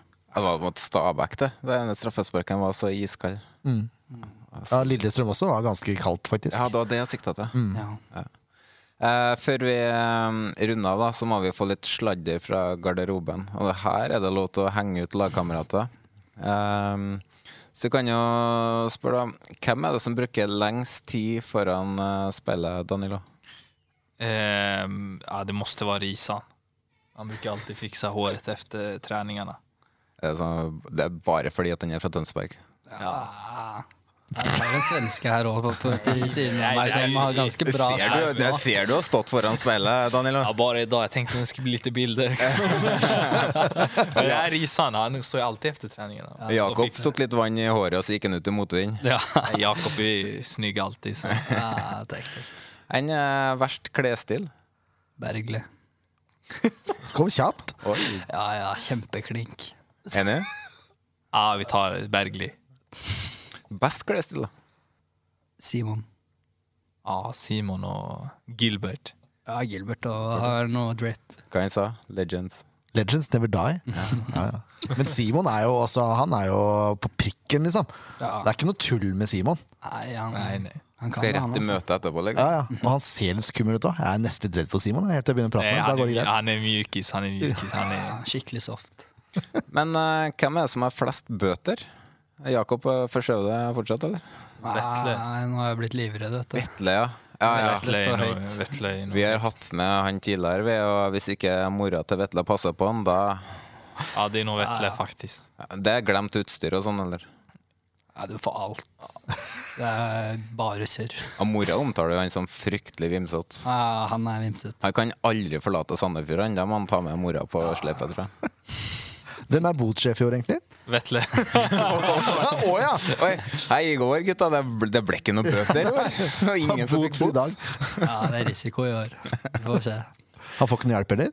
Jo, Ja, Hugo Keto. Å ja.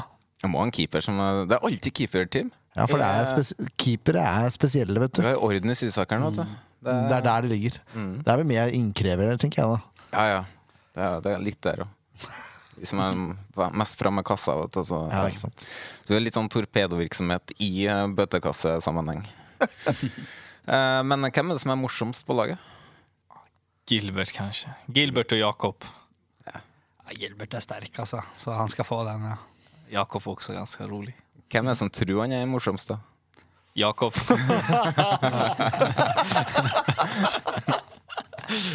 Vetle. Vetle. Ja, han er også, han er på toppen der. Jakob og Vetle. Men Hvem er mest aktiv på telefon?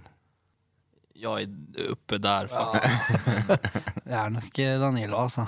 Ja, jeg tar den faktisk. For så, fått så sinnssykt med følgere, vet du. Ja, ikke sant? 120 000 følgere, da Han blir jo Jeg skulle tagge Danilo på Instagram, og jeg fikk varsel. Danilo kan ikke se denne beskjeden. ja. Det er sånn det er.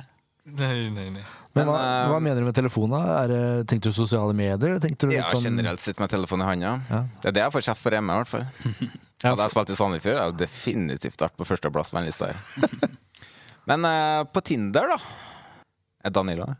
Nei Hvem er på, vi har nå ingen. Andreas kanskje? Ja, fordi det er mye kjærester, altså. Ute og går på laget her, så Det er noe men det er ingen som bruker prate om Tinder. Nei. Rolig gjeng, vet du. Rolig gjeng? Bare Kje- fotball. Kjedelig gjeng? ja, ja, det det var ikke så mye liv i de på SF Awards, det var det ikke. alle gikk. Ja, alle.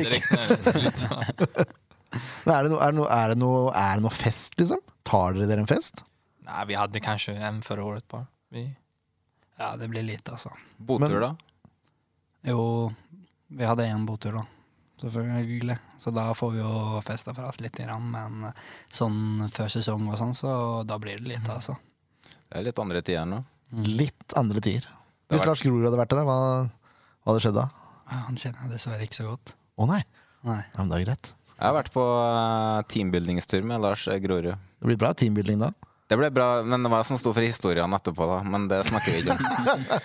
Eh, det, det, det hegner seg faktisk ikke på podkast engang. Men eh, nok om det.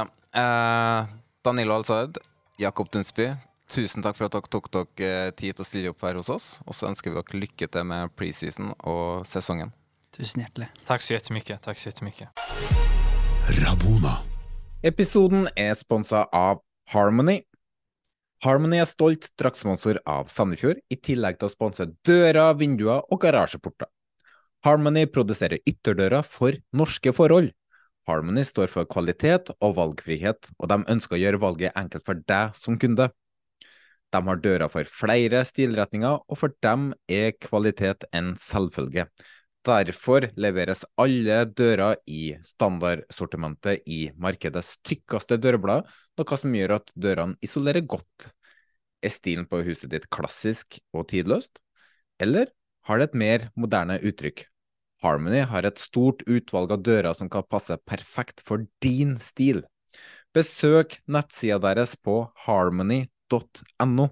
Der kan du lese deres artikler om vedlikehold, montering og valg. De har også mange gode artikler der ute hvor du får svar på det meste du måtte lure på, og mye herlig inspirasjon. Rabona. Det var del én av to i denne spesialepisoden om eh, Sandefjord fotball. Del to kommer ut eh, allerede i morgen, så hvis du er tidlig ut og har allerede hørt ferdig denne episoden her på dag én, så får du vente litt. Hvis ikke, så er det bare å trykke på neste, så starter du på del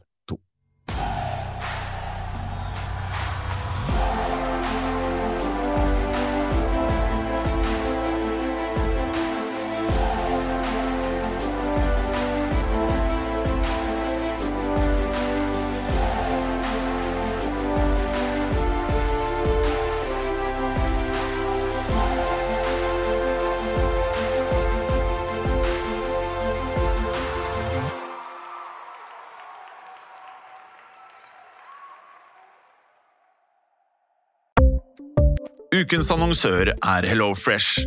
HelloFresh er verdens ledende matkasseleverandør og kan være redningen i en travel hverdag. Mange av oss har nok vandret i butikken både sultne og uten en plan for middagen, som ender med at vi går for de samme kjedelige rettene gang på gang. Middag burde være dagens høydepunkt. Som Hello Fresh kan du nå velge mellom 25 ulike retter hver eneste uke, eller få Hello Fresh til å sette sammen menyen for deg. Dette gir deg muligheten til å prøve nye og spennende retter alene eller sammen med familien. Du velger antall porsjoner og får alt levert på døren på et tidspunkt som passer for deg. Oppskriftene er enkle, og maten er lett å lage både for store og for små. Ved å få alt levert hjem får du også mer tid til å dele matgleden med familie og venner. Kanskje det frister med asiatiske tacos eller greskinspirert kylling? Da kan jeg anbefale deg om å gå inn på hellofresh.no. Her kan du bruke koden FOTBALL og få opptil 1779 kroner i rabatt på de første fem matkastene hvis du ikke har prøvd Hello Fresh tidligere. Du kan også bruke rabatten hvis du har vært kunde og stoppet abonnementet ditt for tolv måneder siden eller lengre. Gå inn på hellofresh.no og bruk koden FOTBALL. Ukens annonsør er Folio, en smartere banktjeneste for deg som har en egen bedrift eller ønsker å starte for deg selv. Folio er en superenkel nettbank for bedrifter. Som kunde i Folio får du en bedriftskonto med et bedriftskort og app. I denne appen er det smarte løsninger som forenkler regnskapet ditt, uansett om du har en liten bedrift eller et enkeltpersonsforetak. Folio er både intuitivt og brukervennlig, og er laget med et enkelt språk. I tillegg tilbyr de forutsigbare priser og ingen skjulte gebyrer. Skulle du likevel trenge det, så kan du snakke med deres raske og hyggelige kundeservice, og der får du prate med en faktisk person og ikke en chatbot. Folio er med andre ord både enklere og koseligere enn banken. Over 10 000 bedrifter har allerede valgt Folio som sin banktjeneste, så besøk folio.no og se hvordan Folio kan forenkle din hverdag også. Har du et enkeltpersonforetak eller en liten bedrift? Da er du sikkert lei av å høre meg snakke om hvor enkelt det er med kvitteringer og bilag i fiken, så vi eh, gir oss her, vi. Fordi vi liker enkelt. Fiken superenkelt regnskap.